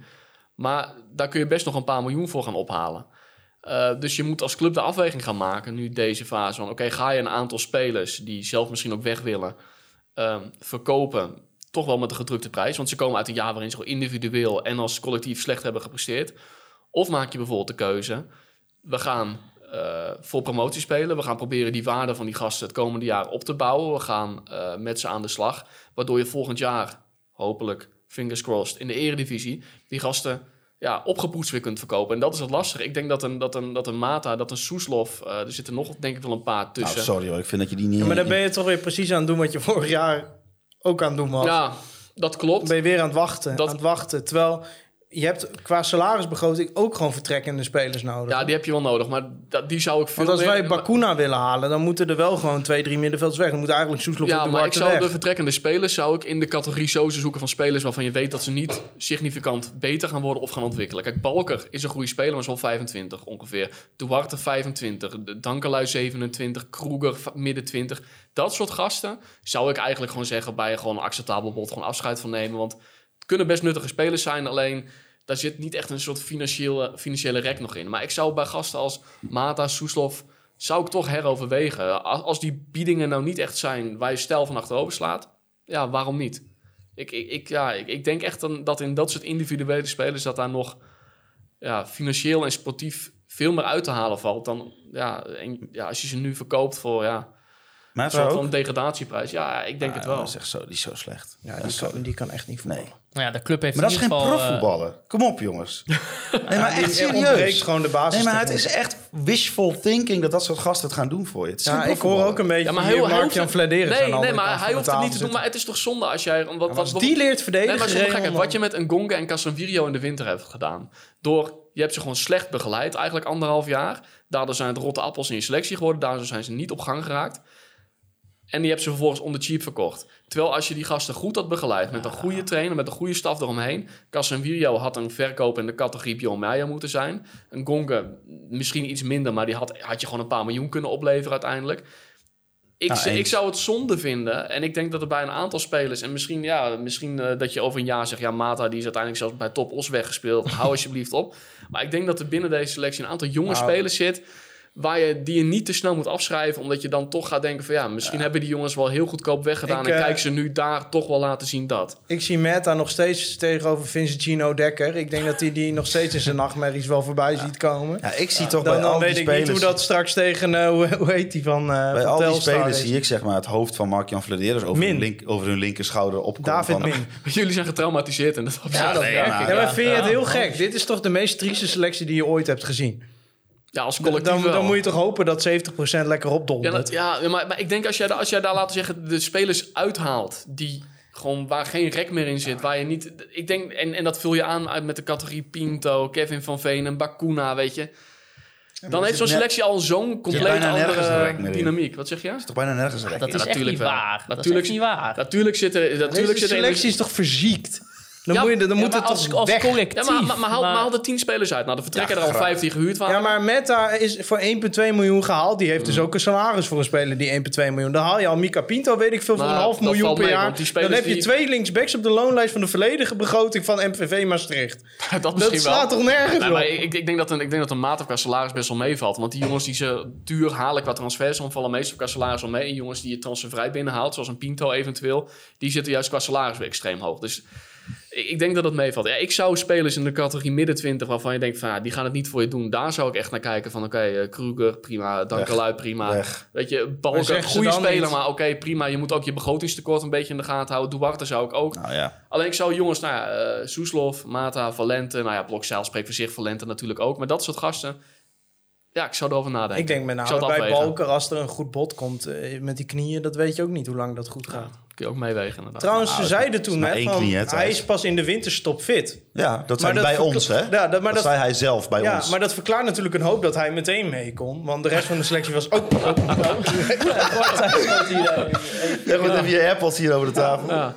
ook dat... eh Oh, dat is inderdaad, dat krijgt met terugwerkende kracht ook nog een hele andere, andere laag. Ja, je hoeft, Ja. straks nog even uit de kasteel te gaan. Dat is een hele goede. Had ik er- Zo had ik er nog niet over nagedacht. je hoeft er maar 20% fit te zijn, dan, eh, dan red je het wel. Ja. Nou, in ieder geval is het wel duidelijk dat eh Jaja Kelly, Marie Swerko, Damiel Dankerui Ja, ja, Kelly, oh en jeetje. Emmanuel Matuta mogen uitkijken. Ik vond het wel mooi dat Gudde zei toen eh, Johan Hoven in één keer mee kon. Toen hadden we dus al zoiets, hmm, dit is niet goed. Dat ik denk, oké, dus je geeft nu toe dat je een niet fit speler hebt gehaald.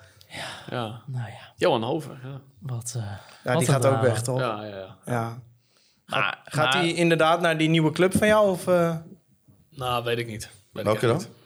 mag je dat al zeggen eigenlijk? Welke, wat had ik... Oh nee, volgend jaar ga ik, eh, behalve Heerenveen, ga ik Twente doen. Ja, dat Oh, mag ja. ik wel zeggen hoor. Ja, ja. Ja, ja, eh, moeten we het straks nog maar even over hebben. Want ja, op zich denk ik niet dat wij... Ik denk dat wij al het contact moeten verbreken als je voor die twee clubs gaat watchen. Daar willen wij niks mee maar, te maar, kijk, maar nu, nu ga jij in de guddenreflex, hè? Het is professioneel. En jij maakt het nu gelijk weer je hebt gewoon slechte zijn- intenties naar ons toe. Ja, Hoe kun je ons hier nou uitnodigen, lekker kippetje van de barbecue... en dan zeggen, nou, Heerenveen en Twente volgend jaar.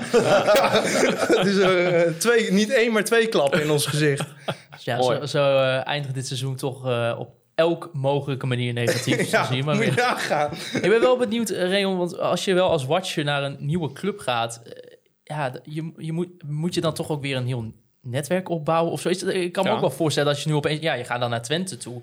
Je moet wel een soort van toch opnieuw beginnen. Of hoe, hoe gaat dat Ja, dan? maar ja, dat, dat, Oh, je dat, moet gewoon Jan Strooijen bellen, toch? Of, Nee, maar, maar, maar dat is wel zo. Ik bedoel, toen ik eh, drie jaar geleden begon met Groningen volgen, weet je, dan, ja, dat, dat, je gaat gewoon gaan. Wie was de eerste die je belde? Weet je dat nog? Toen ik Groningen ging volgen? Nee, geen idee. Weet. Maar wat, je, wat, ik, wat ik meestal doe, ik wil, je gaat gewoon de mensen met wie je te maken gaat krijgen, ga je gewoon een keer uitnodigen om een keer een kop koffie te gaan drinken. Gewoon kennis maken. En ja, van daaruit, eh, ja, weet je, zo'n seizoen gaat zich eh, afspelen. Spelers die het goed doen, die misschien een transfer maken, ga je, ja, ga je een beetje ingraven, zaakwaarnemers. Nou, je gaat eens een keer met de bestuurder hier bellen. Met, en uiteindelijk, voordat je het weet, kijk, nu is het nog een soort van, nou ja, oké, ik ga FC Twente volgen. En nou, ja, we zien wel wie precies dat allemaal, eh, allemaal zijn. Maar ja, voordat je het weet, ben je drie maanden verder. En dan, ja, Heb je het idee dat je bij het meubilair hoort? nou ja, dat niet. Alleen dat soort dingen gaan gaandeweg. Ja. Ja, een beetje tijd erin investeren. En dan, dat is eigenlijk gewoon, eh, ja. En ik vind het ook weer leuk, omdat je dan toch weer, ja, Ik denk wel dat het een hele interessante club is om te volgen. Ja. Ja, En broodje Benam.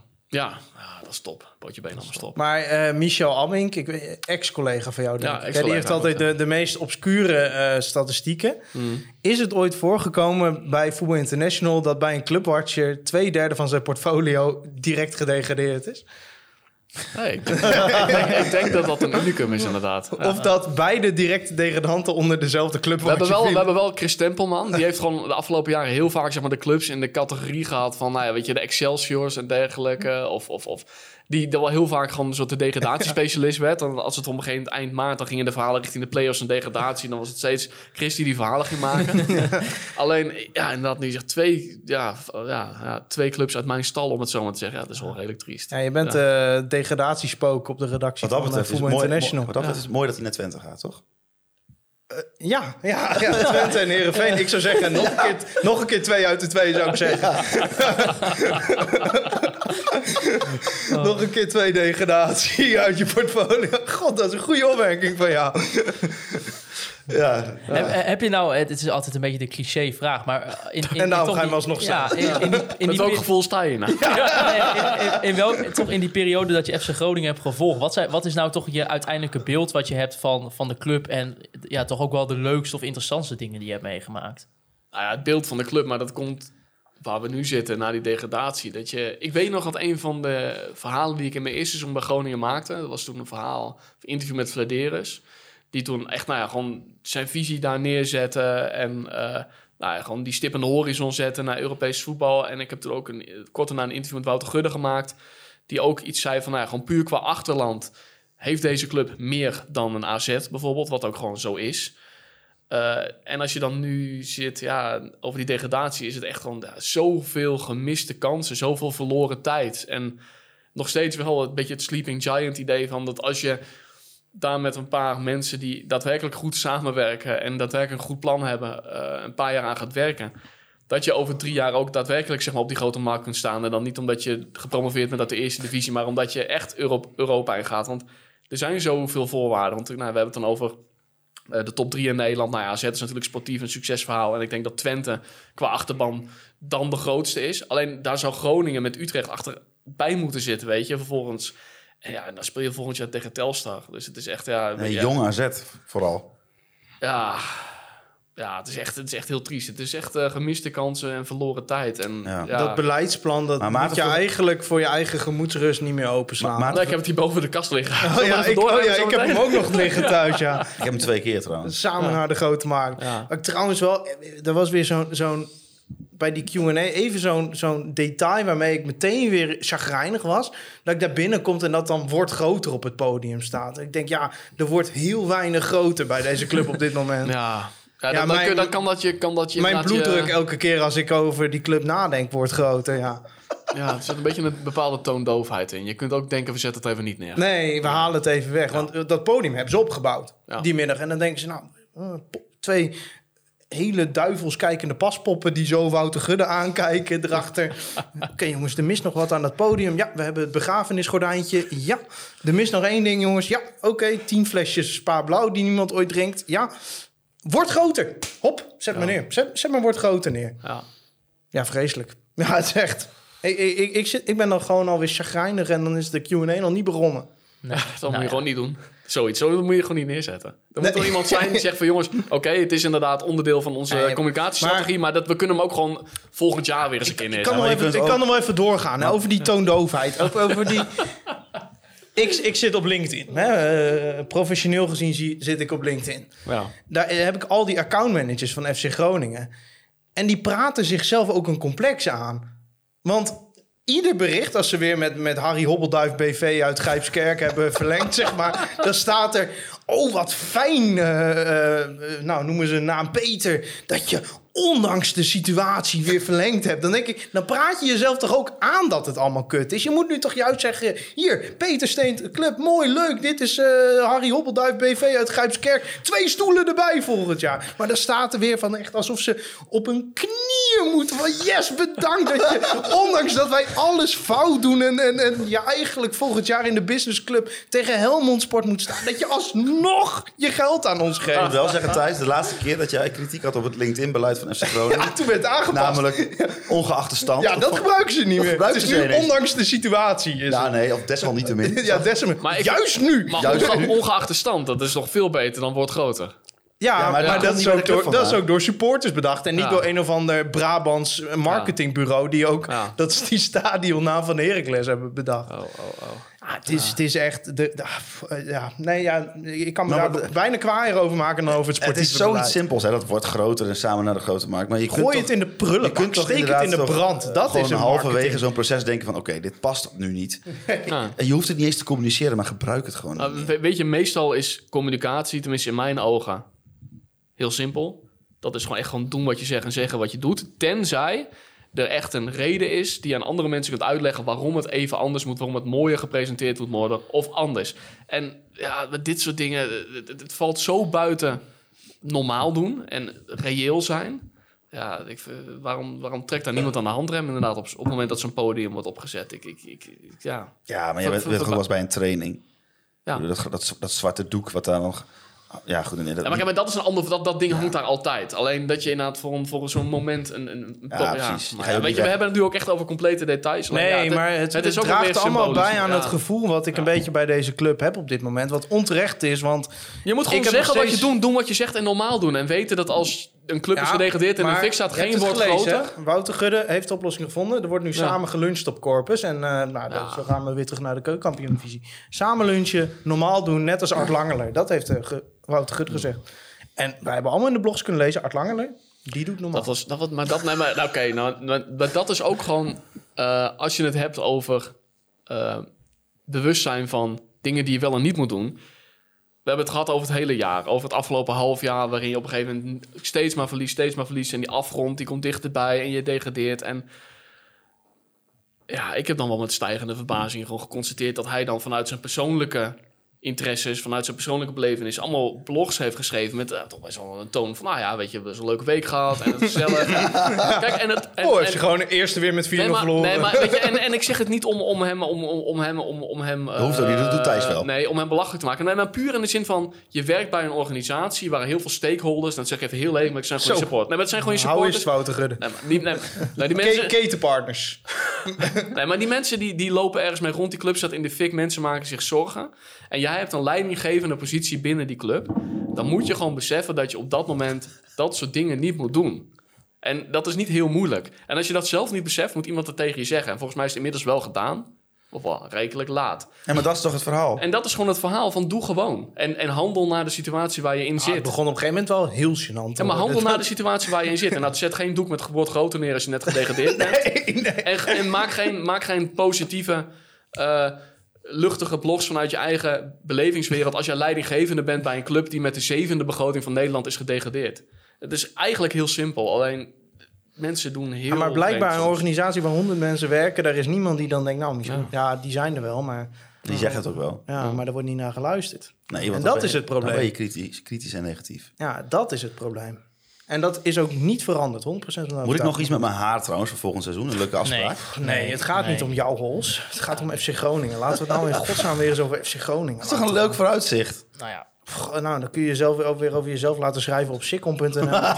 Zo doorzichtig als Ongelooflijk best. Iemand even lekker met zichzelf bezig hier, hoor. Eventjes in Ja, de slotfase van deze allerlaatste geen, eh, podcast. dit is, dat was mijn dieptepunt van het seizoen, denk ik. Die hele actie rondom jouw haar. Echt, FC Groningen kan failliet gaan. eh, maar dat vind ik zo ook minder erg vinden dat jij nog één keer op zich staat. Afgrijzelijk. Nou, in ieder geval wordt er samen geluncht. Corpus, dat is wel fijn. Dick Lukien is terug te komen. Samen naar de eh, lunchtafel. Samen naar de lunchtafel. maar hè, Kevin van Veen die gaat, er gewoon, eh, die gaat er gewoon 30 inschieten. Nick Bakker die komt terug. Die gaat meetrainen. En eh, nou ja, Mika Pinto op de linksback. Ik heb er zin in. Ik Ik kijk vind wel. Mika Pinto is toch echt. dit seizoen echt een top 6 linksback, zeg maar. Ja, ja het zou echt een, het zou echt een reusachtige koep zijn als ze dat voor elkaar krijgen. Echt waar. slaat echt Kevin van Veen, Kevin Maar- van Veen trouwens ook. Kevin Kijk. van Veen kon twee maanden geleden kon naar China. Die kon in een pot geld duiken. Dat is echt gewoon... maar die dan kun je tien zwembaden van de Online Retail Company mee vullen. En dan is het nog niet vol. Als je die binnen kunt halen na het seizoen wat hij heeft gehad. Hij heeft bij, eh bij Motherwell. Ja, dat is wel... Ja, maar eh, eh, eh, het is misschien een beetje mijn, mijn, mijn chagrijnige aard als het om deze club gaat. Waarom pas nu ga je zeggen weer? Ja, ik Ja. denk dat had dit een half jaar geleden gedaan en we hadden niet tegen Top Os gespeeld. Thijs, volgens mij. maar we kunnen, we, kunnen, we kunnen nu alleen nog maar vooruitblikken. Ja, laten we vooruit Dus kijken. ik- nog eh, één keer terug, hè? God, ja, we gaan ook nog met Wim Masker terugkijken. Maar dat is alleen voor de betaling. Ja, ja, ja. ja, ja. Met Wim Masker. Voor onze echte vrienden. ja. Reon, bedankt. Want vriendschap gaat door de portemonnee. Doen we nog, eh, nemen we nog waardig afscheid van Reon? Ja. Ja, ik hoop niet dat ik eh, ga huilen, maar ja, het, ho- het hoort er wel altijd bij dat, eh, dat Via Buze wordt afgespeeld. als iemand, als iemand, Ja, jij krijgt via buurt. als iemand vertrekt bij FC Groningen en eh, daarom is eh, deze... Jij bent dan, een beetje de Tadic van deze tijd. Jij ging ook naar Twente toe. En dan moet je een beetje oppassen. Zet, zet Reon ook even... De, kan je Reon alsjeblieft even de, de koptelefoon opzetten? Want die- dit moet je wel even horen. Ja, dit, is, dit, gaat- dit, dit gaat waarschijnlijk door, echt, dit gaat je in je hartje raken. Daar komt hij.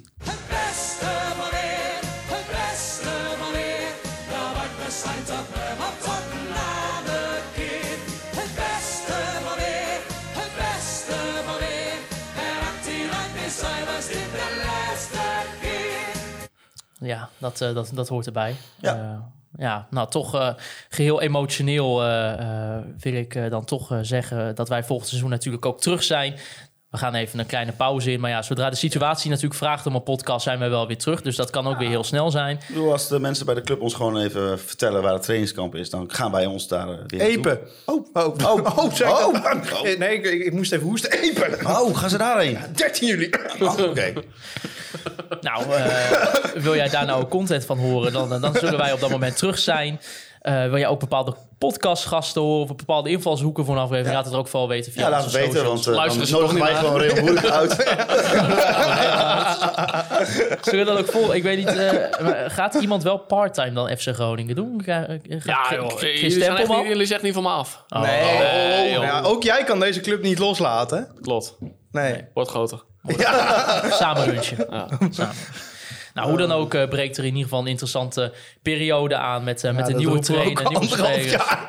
Ja, deze zomer wordt ik, eh, interessant. Nou, deze winter wordt echt Maar dat is toch ook inherent aan voetbal. Ja, maar dat, ja. Cellevoet. Elke zomer wordt interessant. Cellevoet. En ik kijk gewoon heel erg uit naar de komst van Dick Lukien. Ja, ik, Ja, ik kijk er echt naar uit, ja. Onironisch kijk ik daar erg naar uit. Heerlijk. Ik, heb, ik hoop dat we, dat we lekker aan die rebuild kunnen beginnen. En dan eh, nou ja, hopelijk maar één seizoen in de KKD.